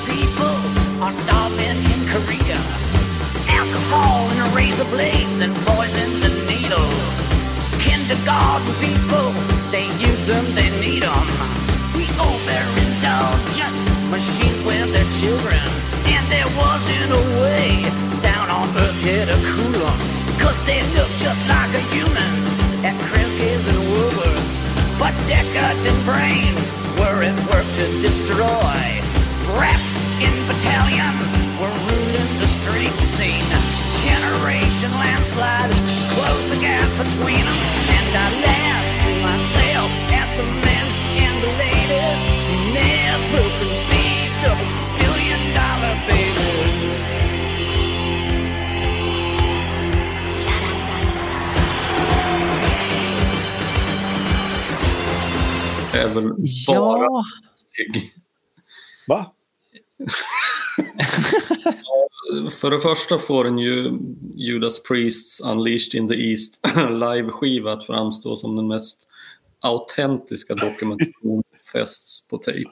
Ja. Nej, alltså jag, jag fattar ingenting av det här. Är det här bara en fyllerlåt och i så fall fattar jag inte varför alls. Jag, tycker inte den passar in i det här konceptet överhuvudtaget. Men är det bara, det är kanske bara är jag. jag tycker det är en bra version, men, men det den, blir, den bryter av väldigt märkligt. Så bara, aha, och, för- man tänker liksom att man tänker att snart eh, händer det någonting här som gör att man fattar varför de kör den och så, sen är den slut. Liksom. Men jag, tycker jag tycker det är en bra version, inget snack om saken, men jag håller med om det. Det är inget alls fel på, Nej. inget fel på versionen. Och, och, alltså någon idé måste de ju ha haft för att den här Paris-specialen som vi har, har pratat om, den inleds ju faktiskt med den här låten också när de smyger omkring i rulltrappan, upp på rulltrappan ner och sjunger Generation Landslide. Någon Jag vill bara ta en liten inflik som jag tyckte var så jäkla kul. Jag såg en intervju med Peter Steele från Type O Negative där de har en väldigt novis som intervjuare liksom som bara eh, origin of the feces that was your live record? Eh, it was a uh, live record right? Alleged live record. ja. Ja, det tycker jag är ärligt och härligt. Eh, Men, men ja, jag såg att Alex fick en dåndimp tror jag. När, Ja, en liten. Det, Ja. det, det, nu, det är ju tacksamt jag är med på det nu, för det här hade ju genererat eh, hastighetsöverträdelser och eh, svordomar om jag hade suttit, suttit på motorväg någonstans. Eh, Det här är ju den bra versionen av denna låten. Jag tycker den är värdelös på Billy Dollar Babies. Den passar inte in någonstans på den plattan. Jag tycker den är skittråkig där. Därför att den plattan är så jävla bra i alla avseenden, utom just den låten. För den, det är som att de har plockat in den från ett helt annat universum och, och lagt in. Jag fattar ingenting där. Så kommer den här, live-grejen där, jag, jag, det fattar jag inte. Det köper jag. Varför har de lagt på publikljud? Det vet vi inte. Men versionen av låten är ju klockren special forces. Alltså den, den passar ju in i, i, i klädstilen, tegelstenarna, bakgatan, eh, stickorna i håret. Och så får vi en tredje vers som är kul och värdelös på samma sätt. För han, han rimmar noi- boysies med toysies. Alltså det, är, det är lite infantilt. Men infantilt på Alice sätt, vilket jag uppskattar väldigt mycket.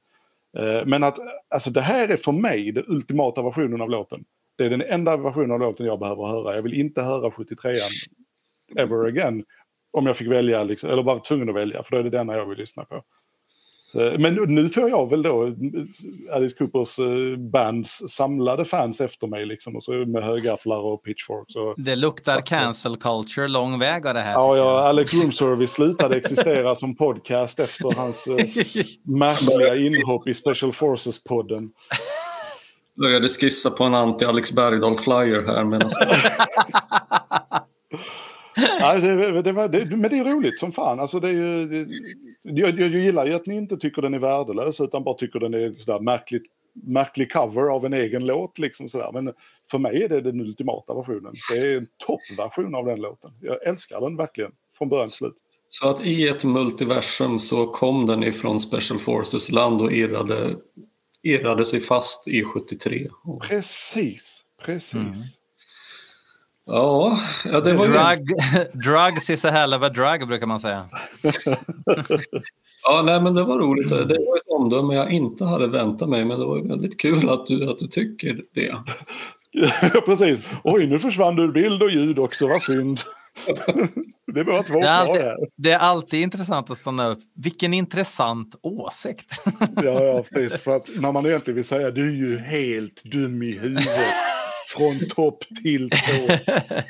Men det Nej, kanske... men, ja, jag, jag förstår absolut inte kritiken mot, mot Generation Landslide från Billion Dollar Babies. Men det, det behöver vi inte prata mer om. Eh, men eh, som sagt, det är inte överhuvudtaget...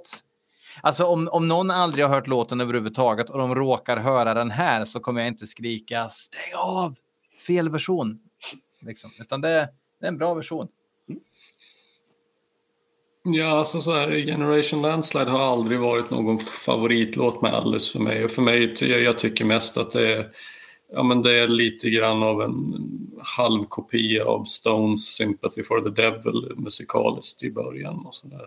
Mm. Eh, Men texten är bra och sådär. Och, ja, det, men det har aldrig varit någon favorit så jag, jag tycker inte att han jag tycker inte att han slaktar sin egen låt. På, på sätt och vis så är det ju ganska...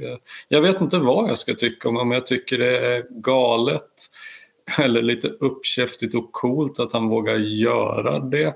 Eller om det bara är kanondumt. Nej, Jag, jag står Ja. utan svar. Jag ska killer-gissa lite här som vi säger i Alice Cooper. um, uh, och jag tänker så här, tänker han ska sätta ihop ett band. Vad gör han då? Han sätter ihop ett band. De måste ju provspela in någonting. Vad spelar de in? Jo, givetvis en låt från Alice Cooper-band-eran. Vi tyckte den blev jättebra. Vi goofade till en tredje vers, men det blev ju en skitbra version. Vi slänger in den på skivan också. Kanske. För det, är inte kunnat- samma, det, det låter inte som att de har spelat in den vid samma tillfälle och sen bara lagt lite reverb och publik på.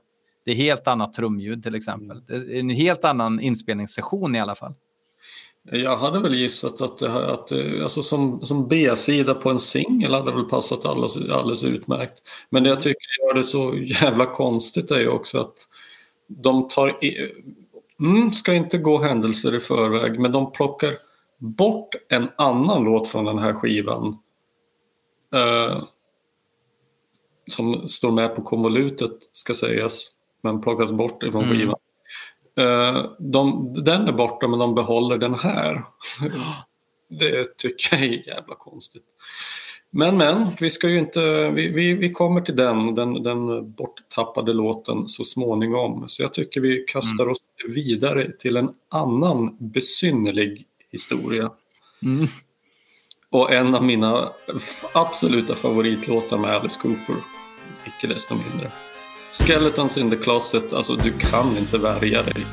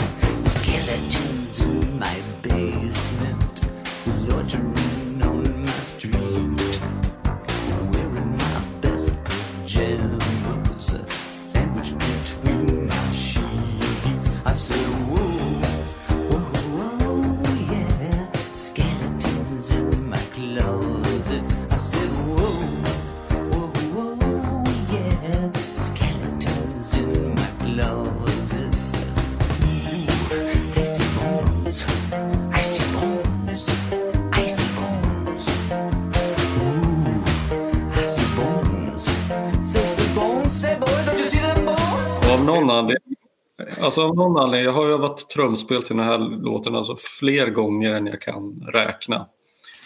Jag, jag gillar verkligen att Alice här går han all in eller full retard i new wave-helvetet. Det Mm. känns roligare än halvmesyrer till, till rocklåtar man knappt minns. Det här är ju också en Onkel Konkel-produktion av eh, Guds nåde. Två referenser. Okej, då vill jag slänga in en till referens. Den här låten påminner mig mest av allt till... Har ni... Jag, jag räknar med att ni har sett Young Ones, eller alltså Hemma Värst som det heter på svenska. Mm, mm. Kommer jag ihåg avsnittet Oil och där hyresvärden, eller vad man ska säga, Jerzy Belowski typ kommer in och sjunger en låt som heter Dr. Martens Boots.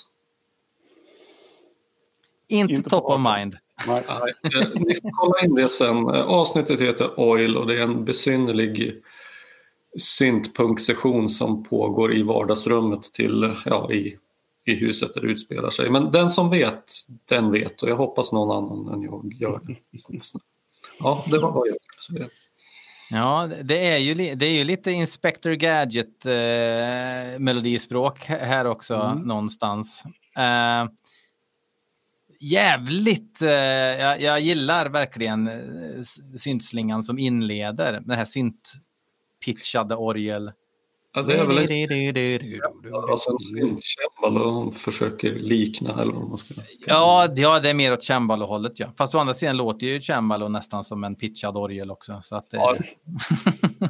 Det här låter inte som en äkta cembalo. Eh, Jag, jag har inte sagt något om Skeletons. Eh, också en favoritlåt för mig. Eh, verserna tycker jag är ljuvliga. Älskar eh, basen. Dun, dun, dun, dun, dun, dun, dun, dun, dun. Och, så, och så den här snygga syntmattan. Alltså det är sån... Det, det är det här med egna världar igen. Jag tjatar om det, förlåt. Men det, jag, kan, jag kan sjunka in i det på ett sätt som jag inte kan med, med, med många andra band eller eh, skivor eller låtar. Så utan det här bjuder verkligen in till något större än bara en låt på tre minuter. Liksom. Eh, Och så tycker jag verkligen, verkligen, verkligen om slutet när han viskar till sig själv. Alice, Alice, alltså, what do you want? Det, tycker jag, Mm. det, det är fortfarande så roligt så jag fnissar till lite varje gång när jag hör det. Det tycker jag är jättekul. Men här tangerar vi ändå skräck någonstans. Ja, Alltså- ja sån, vad heter det, snällskräck. Alltså, Jo, jo, jo, men, eh, Barnskräck i så fall. Tangerar. Ja. Alltså vi, vi nuddar. Ja. jo, det är det väl, men ja, jag, jag, tänker Scooby-Doo mest. Ja. och det Mm, ja, jo. är i och för sig. Nästa låt.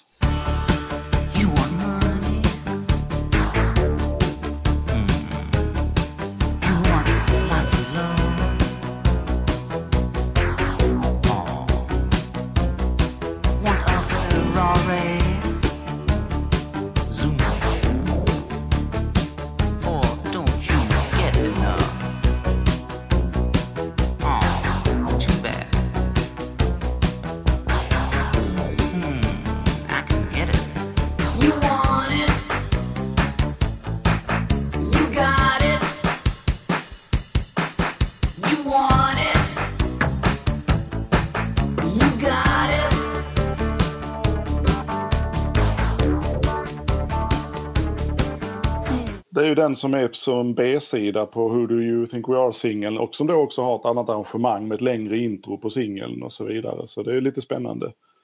Mm. Eh, För mig Jo, är ju det här, ja det är, inte, inte, det är inte den roligaste låten på skivan tycker jag det här. Jag tycker att det är en låt som har potential men som aldrig riktigt får ett klimax. Liksom. mm. Refrängen ska ju vara ett klimax känns. You want it, you got it. Och man kan se hela pizzerian ställa sig upp och sjunga med. Men det blir ingenting. Nej. Eh, det- Nej. den, den, den löper så här. Mm. Den, den börjar ju, eftersom de då har klippt introt också på skivan, det är lite längre på singeln nu, där är lite mer synt innan och sådär. Men du kommer ju nästan rakt, jag kommer rakt in i versen ju.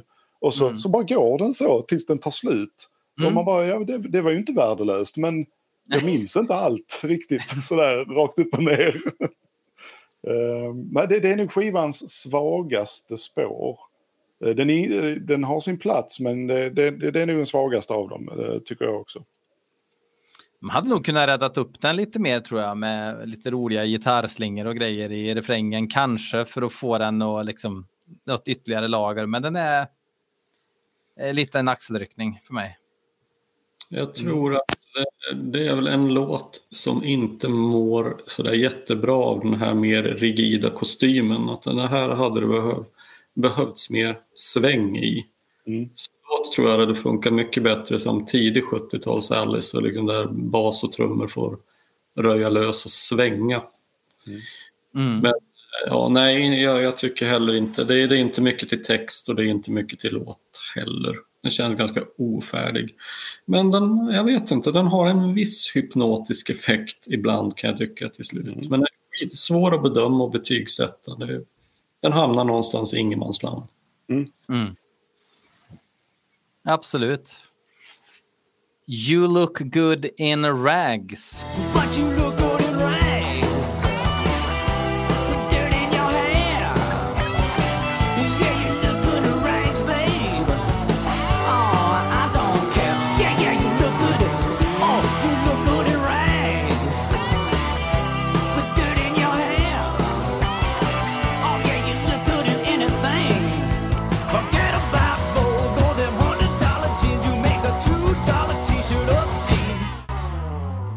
Avdelningen jävligt konstiga låttitlar. Mm. Mm.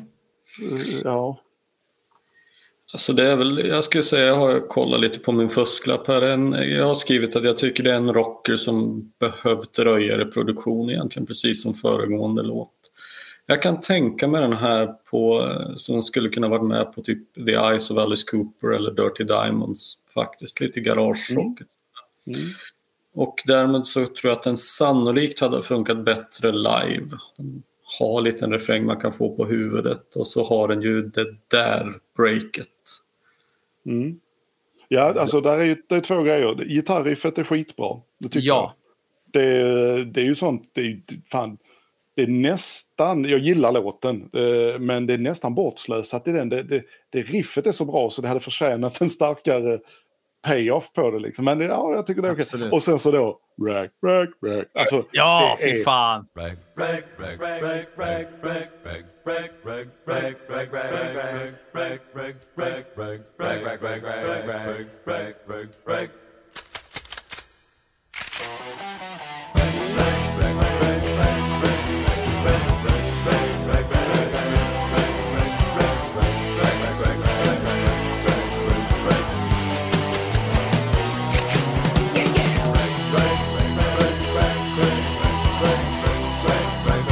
Fan vad bra! Det är ju Muppet Show och Alice Cooper i ett liksom. Jag blev så lycklig av det. Och så att de kommer in med instrumenten igen också. Ja. Det, det är så jävla snyggt alltså. Det, nej, det, det, det, lyfter hela låten. Det gör det. Mm. Och att de kunde sätta det när de då var kokainstinna allihopa liksom.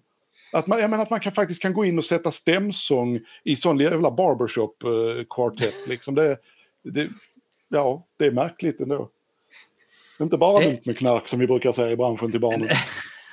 Det är ju, det- ja men det är precis, och det är ju, det här känns ju verkligen som en idé de kom på, att det skulle varit något annat där. Och så är det någon som får det som en ful idé som de testar och bara fan, vi sparar det här. Det här är ju helt stört. Och så skrattar de så de håller på och dör åt det själva. Eh, och så blev det skitbra. Ja, men jag, jag, jag säger plus ett på allt du sa där, Alex. Jag håller med om allt. Jättebra gitarriff. Ingen, alltså ingen fantastisk låt, men det är um, The Devil is in the details på den här, Ja. helt klart. Ja. Men jag, jag, jag gillar den liksom. You're a movie. Mm. Mm, jag har glömt helt, eh, eftersom jag inte har anteckningar eh, varken här eller i, i min egna podd eller någonting, så har jag glömt att det jag skulle sagt redan från början, det är ju det här med Alice röst. Att han har en lite...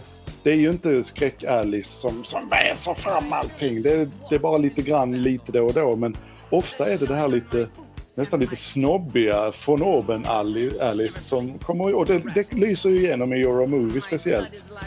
Eh, och jag älskar av hela mitt hjärta de här call and response-grejerna. You're a movie, yes. You're quite a movie. Eh, more of an epic, säger han. Ah, det är så jävla roligt. Eh, och då, alltså, han låter så jävla dryg när han säger det. Så att jag blir helt lycklig. Jag ser honom på scenen, liksom så här mot publiken. Bara, yeah. så lite Sean Connery-stuket här. Quite. An epic. Uh, det är vansinnigt roligt uh, och skitbra text här. Verkligen, det här är Alice i sitt esse igen. Nu har han haft roligt igen helt plötsligt. Det är också att man inte riktigt kan dra musikal call and response grejerna ur honom eh, hur Nej. mycket han än vill. Det, det, är ju, finns ju flera, det är ju flera grejer på den här skivan som, som, som går lite åt det musikaliga hållet också. Liksom. Eh, men det är inte så tydligt som på tidigare skivor. Men ja, jag, jag, det här, lite, nu kommer jag vara tråkig, men det här tycker jag nog är den en tråkigaste låten på skivan för mig. Jag tycker att den har lite samma bekymmer eh, som, och nu har jag inte låtlistan här, eh, så trött i huvudet, eh, som eh, You want it, you got it. Liksom att den... Dut, dut, dut, dut, dut, dut, dut, dut, och så bara i tre minuter och sen bara... Uh. Ehm, man höjde ju ett rätt fett gitarriff liksom som, som försvinner i den här lilla, den här lilla boxen från 1981 som är säkert jättehipp då liksom, men det är liksom bara en liten signal som går igenom. Lite, lite tråkigt. Det funkar ju skitbra på vissa låtar, men inte den här till exempel. Jag tycker det är, det är en svängig gubbrock new wave. Eh, eh, bra insats som fan bakom micken, en bra, skitbra text. Men jag kan också tycka, jag tycker att produktionen tar lite grann udden av det hela. Samtidigt som den ger en slags mörk, cynisk lyster i musiken. Och det här kanske kan låta udda, men eh, jag undrar om det kanske egentligen inte alls var meningen när låtarna skrevs. Utan en del av mig undrar om, om det var någon producent som fixade till det lite grann i sista hand. Alltså lite som att lägga ett färgfilter över en bild och som ger en, en helt annan atmosfär än själva originalbilden. Och det är där jag tycker lite grann också att nästa skiva som kommer, alltså Zipper Catches Skin, tycker jag eh, ofta känns det som att den har ganska mycket samma sorts låtar som den här, men utan det här mörka filtret som bara tillfaller Special Forces. Jag vet inte alls om jag har rätt i detta, det är bara en spekulation, men den här är den mörkare av de två. Och jag, mm. Jo, definitivt. Och det är, det, det är det jag nästan pratat om hela tiden. Det är den här, den, lever ett helt eget liv, denna plattan. De individuella låtarna till trots så är det där är någonting annat, någonting större, någonting mer Sinister liksom. Eh, mm. Jag, kan, eh, jag har tänkt lite grann på ordningen på de här Blackout-albumen. Att ofta så kan jag tycka att jag tycker att Flush the Fashion hänger mer ihop med Zipper Catches Skin jag tycker att Special Forces har mer av samma atmosfär som Dada. Att har det- Absolut. Absolut. Och det där är ju ändå lite, men det, det lustiga är ju att det är ju tre olika inkarnationer av Alice Cooper som, som släpper de här fyra skivorna. För det är väl bara den, den line-up som finns på Special Forces återfinns också på Zipper Catcher Skin men inte på Dada och inte Flush the Fashion. Så att, eh, Kanske att det är lite av en slump, jag vet inte. Men det är, en ganska, det är ett ganska lustigt sammanträffande ändå. Om man kan se de, de mörka och de ljusa skivorna i de här. Absolut, och det, jag tycker de passar bredvid varandra i samlingen bättre också, rent eh, estetiskt. Mm. Ja, faktiskt. Ja. Men, men, men eh, vi har ju en, en kvar, Vicious Rumors. Vi har två Mm. kvar. Eller gav jag bort godbiten? Ingen visste detta. Nej, nej, eh, vi, vi kan börja med Vicious Rumors då i alla fall.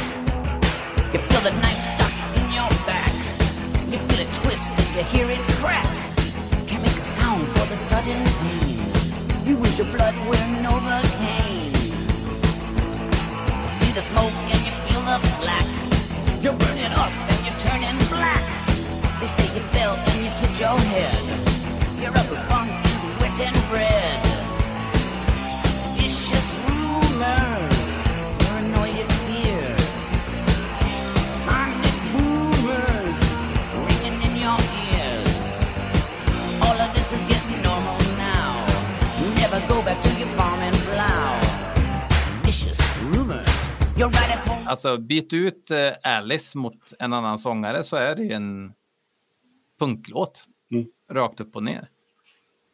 Tycker att produktionen är lite punkigare också. Det är lite mer, lite mer driv i gitarrerna och sådär. Uh, en, eh, ja, och en, och en, en, en rätt bra låt liksom sådär. En av de få de körde live lite grann. För den ingick i Schools Out-grejen Mm. då. Inte på alla gig heller utan det kom efter, efter USA-turnén. Det är i alla fall i Europa. Eh, De körde nästan inga låtar från plattan live men denna fick ju då en och en halv minut airing liksom i, ett, i en pre- bandpresentation. Eh. Men det, det, den är jävligt skön. Eh, och just den, den slutar ju med Who do you think we are också. Det är lite som The Final Countdown där eh, när Europe Mm. körde den 86. Att den knyter ihop säcken här som man inte visste skulle knytas ihop för att man visste knappt det var en säck när man började lyssna. Liksom. Men någon har tänkt att jo men nu så har vi gått full circle här och så avslutar vi den sista låten här med, med någonting som vi, ja, så går det eh, väldigt märkligt och väldigt, väldigt kul tycker jag. Eh, Notera att skivan hade varit ännu kortare utan att återupprepa Who do you think, do you think we are också. Ja. För den är 34.51. Ja. Vilket jag tycker ingenting i världen behöver vara längre än i och för Nej. sig. Perfekt. Perfekt. Ja, jag tycker att den här låten, eh, är en jävla grym text, men jag tycker att låten är lite småtrist. Men jag hade tyckt mycket bättre om den om tempot hade varit lägre. Jag tycker att den hade behövt lägre tempo och att Alice skulle få mer utrymme till gestaltning i texten. För att för mig så blir det här lite för stressigt för att ge den riktiga effekten. Eh, Men annars så, ja, bra. Men jag hade gärna liksom hört att skivan avslutades med ett större bang på någon vänster. Jag ser den Absolut. som en systerlåt till Grim Facts av någon anledning. Jag tycker den eh, Grim Facts på Flash the Fashion och denna, de hör lite ihop av, på något sätt. Absolut. Jag kan absolut höra det. Mm. Ja, då har vi väl bara den glömda juvelen kvar vill jag påstå. Ja, som ju står med på skivkonvolutet, men inte med på skivan. Det är alltså inte tjejen i filmen som har skrivit brevet den här gången heller kan man säga.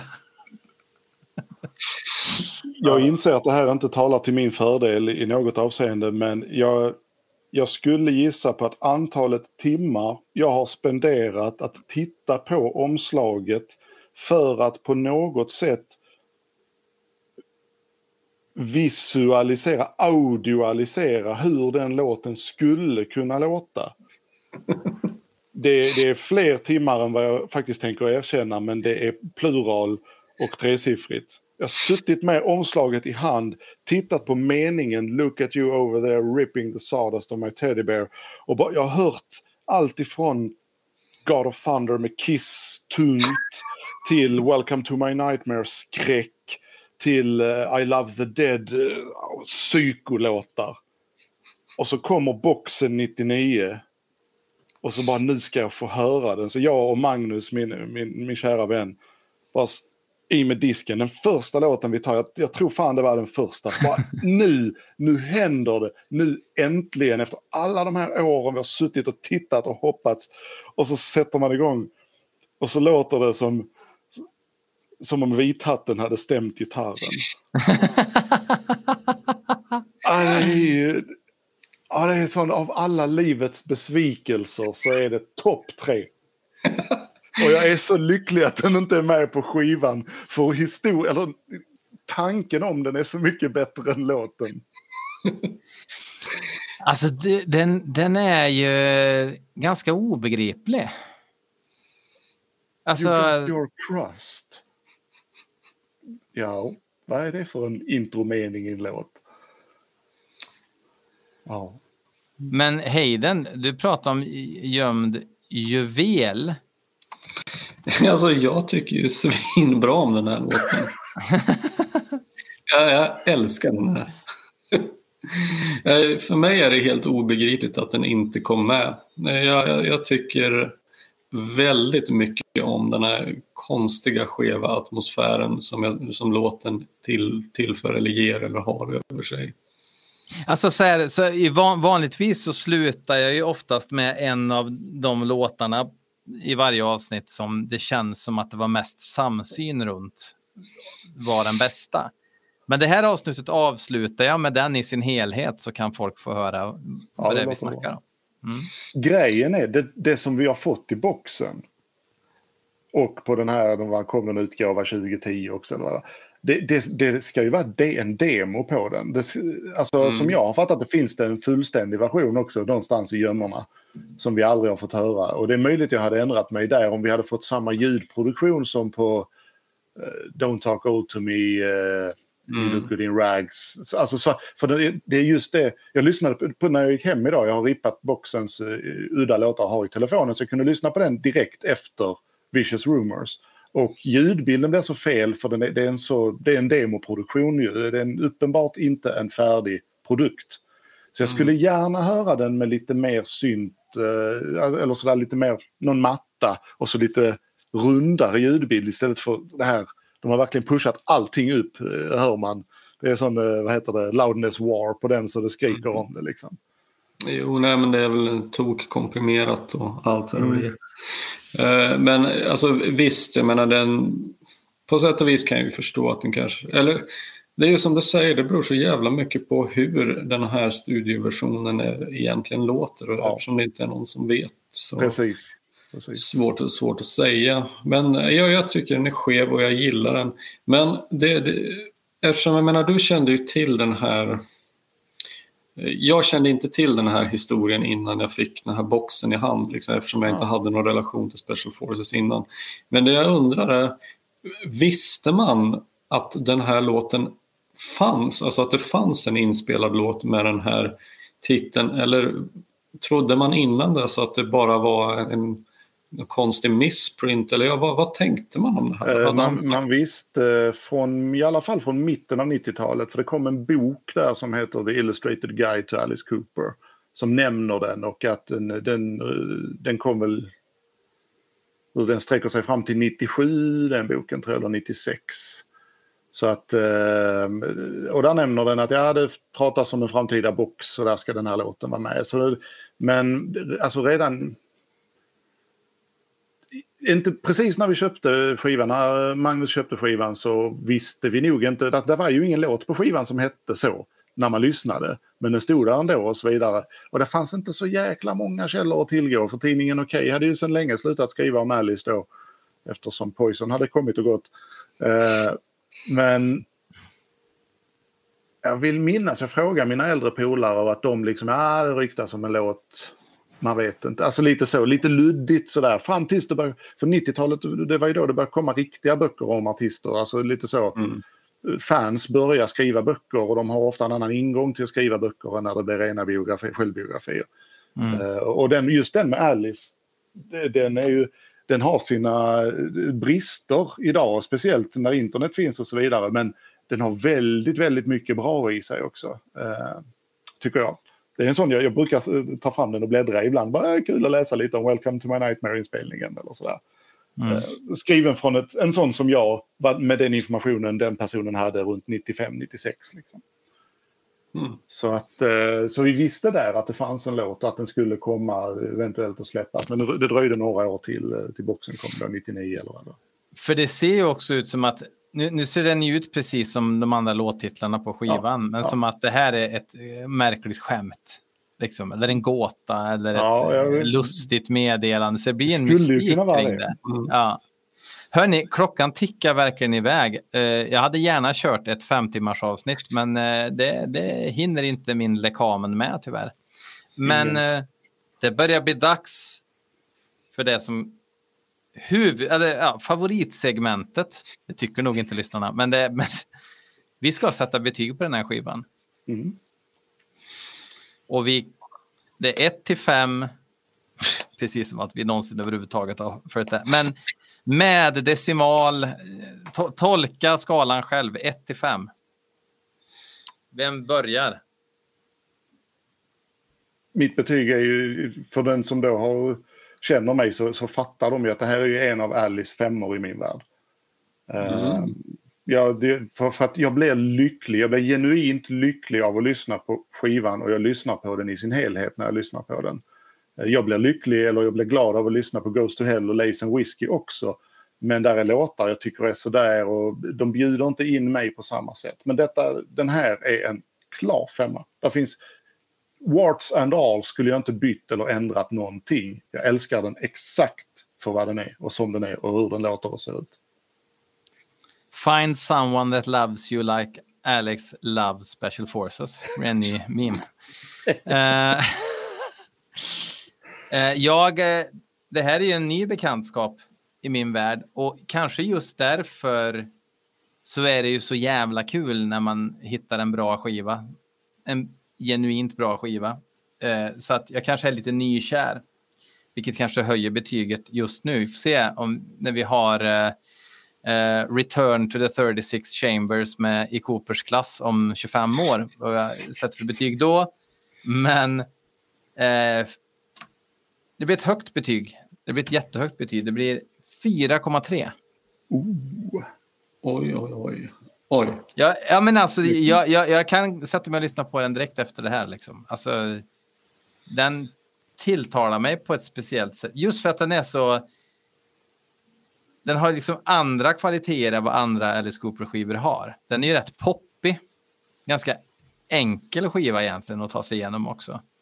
Men det är mycket starka melodier, roliga produktionsdetaljer, eh, om än konstiga. Ehm, och så har den några, den, den, den dippar ju lite då, tycker jag, på, på, på några låtar som vi har pratat om. Johan it, you got it, kanske uh, mest. Uh, ja. Högt betyg blev det. Men jag gillar, jag gillar hela, jag gillar liksom, jag har ju också live Capital i huvudet också framför mig. Och han ser så jävla störd ut. Och jag lider lite varje dag tänker jag på vad synd att han fixar sina tänder. För han hade en speciell karaktär i ansiktet liksom som försvann när han fick de här eh, Skeletthakarkill-tänderna sen. Både han och Gene. Gene Ja. De, de förlorar lite av sin demonkaraktär när de eh, Ja. gjorde sig snygga. Verkligen. Till skillnad från oss. Ja, men han hade liksom det, det blev ju liksom en inbuktning vid munnen liksom på något vis. Som hela det här karaktärsdraget försvann ju då. Vilket jag tycker han har förlorat på.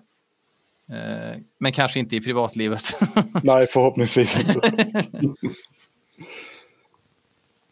Ja, eh, jag, jag har nog mycket svårare att betygsätta den här skivan. Därför att som jag sa i början, det kommer an lite grann på, på dagform, eller dagsform, vad man nu säger.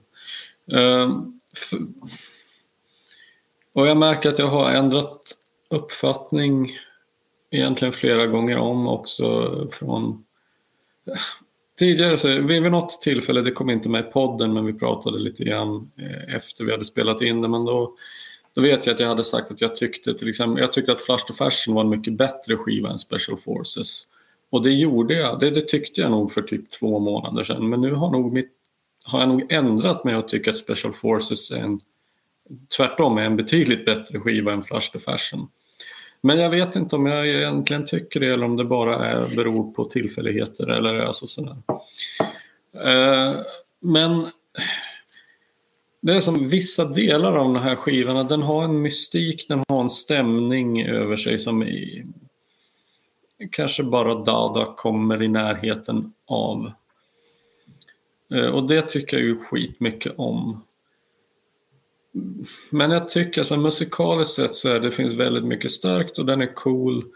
har några fantastiska låtar men den dippar ju liksom lite väl mycket i slutet. Det hade behövts, liksom, det hade behövts avslutat med en riktig höjda låt för att nå full pott.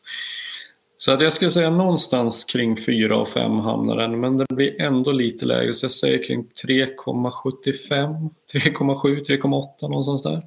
Men Själv. visst, du är, du är ju ingen punk rocker yes you are heller riktigt, eh, kanske i samma utsträckning som Men jag, är. igår satt jag, jag satt och lyssnade igenom på Varukers och Disober och Anticimex. Ja, men, men jag tänker kanske inte på så mycket på vev och ös så, utan kanske lite mer punk. Alltså, jag, jag, bara, jag har bara aldrig hört dig kanske referera så mycket till Ja, och alltså, 77 punk. Ja, alltså innan Johnny Rotten blev fullständigt galen i huvudet och blev Trump-supporter så var ju Sex Pistols ett av mina favoritband. Och Ja, Okej. Ja. lärde, mig spela, ja, lärde mig spela förresten, men jag spelade åtminstone bas i Ramones coverband och sådana grejer. Okej. Så jo då, Ja. punken har en självklar plats i mina hyllor. Sådär. No further questions, your honor. Mm.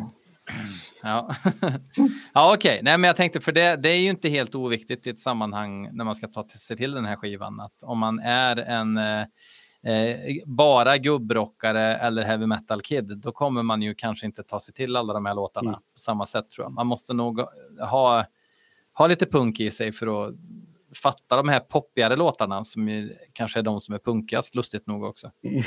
Men visst blir det väl då lustigt? Att man, man säger blackout-eran, man säger new wave-eran, men det är ju väldigt mycket alltså, gitarrbaserad rock, om än kanske mer i punkform som vi pratar om. Mm. Absolut. Det, det är väl, ja, så. Ja, det är, det är en lustig era, detta. Fantastiskt lustig och, och spännande och rolig och lära sig och lyssna på och så vidare. För att det, det gömmer sig så mycket. Om man bara krafsar lite på ytan så kryper det ut en jävla massa otyg där. Jag lyssnar faktiskt på Zipper Catch a Skin. Eftersom ni sen ska göra ett avsnitt om det också så, där så vill jag vara lite förberedd. För det är, en- det är en av skivorna jag kan sämst faktiskt i Alice karriär. Eh, och jag hittar grejer där jag inte hade tänkt på innan. Fan, det var ju skitbra låtar på den med. Oh, ja, alltså, det är så coolt att man kan vara 45 bast och ha hört en platta i 30 år. Och ändå, ah, det här känns som, det här är ju skitbra, det har inte jag tänkt på innan. Liksom. Och det Tänk är man- Alice är expert på det. Tänk om man gav alla band den chansen. Nej, bara de riktiga artisterna. ja, precis. Nej, men superkul Alex att du ville vara med igen. Eh, alltid lika trevligt. Tack som fan för att jag fick vara med. Jag, ja, det, det är jag som tackar. Det, Nej, det- var ett sant nöje. Fantastiskt kul säger jag också. jag, ska, jag ska fan tjata in mig på ett avsnitt till för det, det, Ja, ja, det, slut.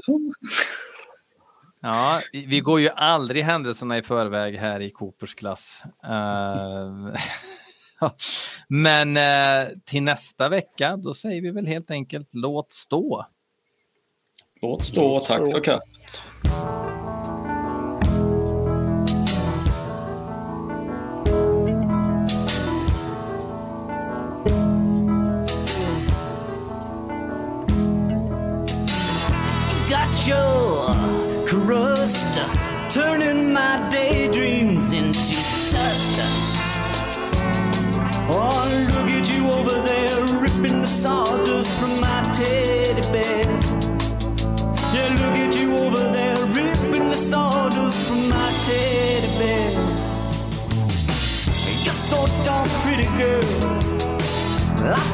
You know it. A Monday morning quarterback, yakety yak.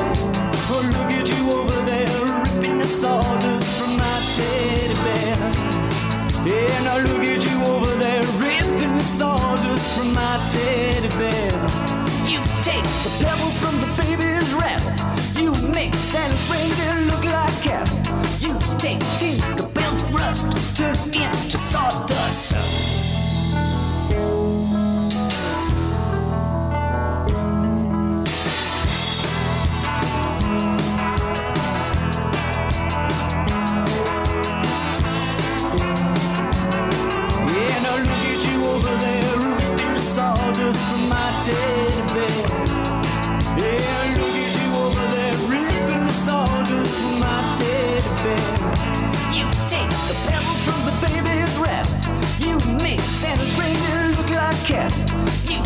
teeth, the bills brushed, turned into sawdust.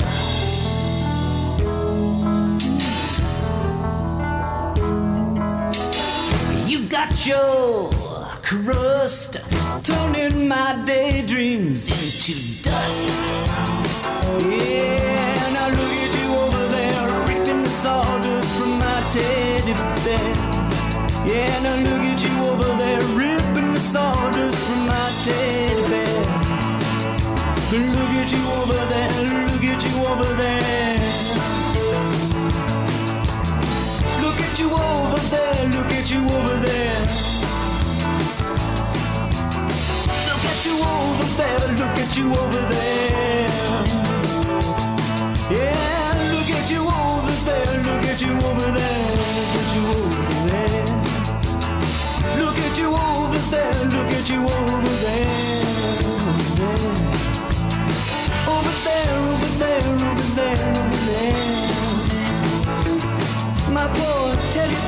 teddy bear, teddy bear, teddy bear.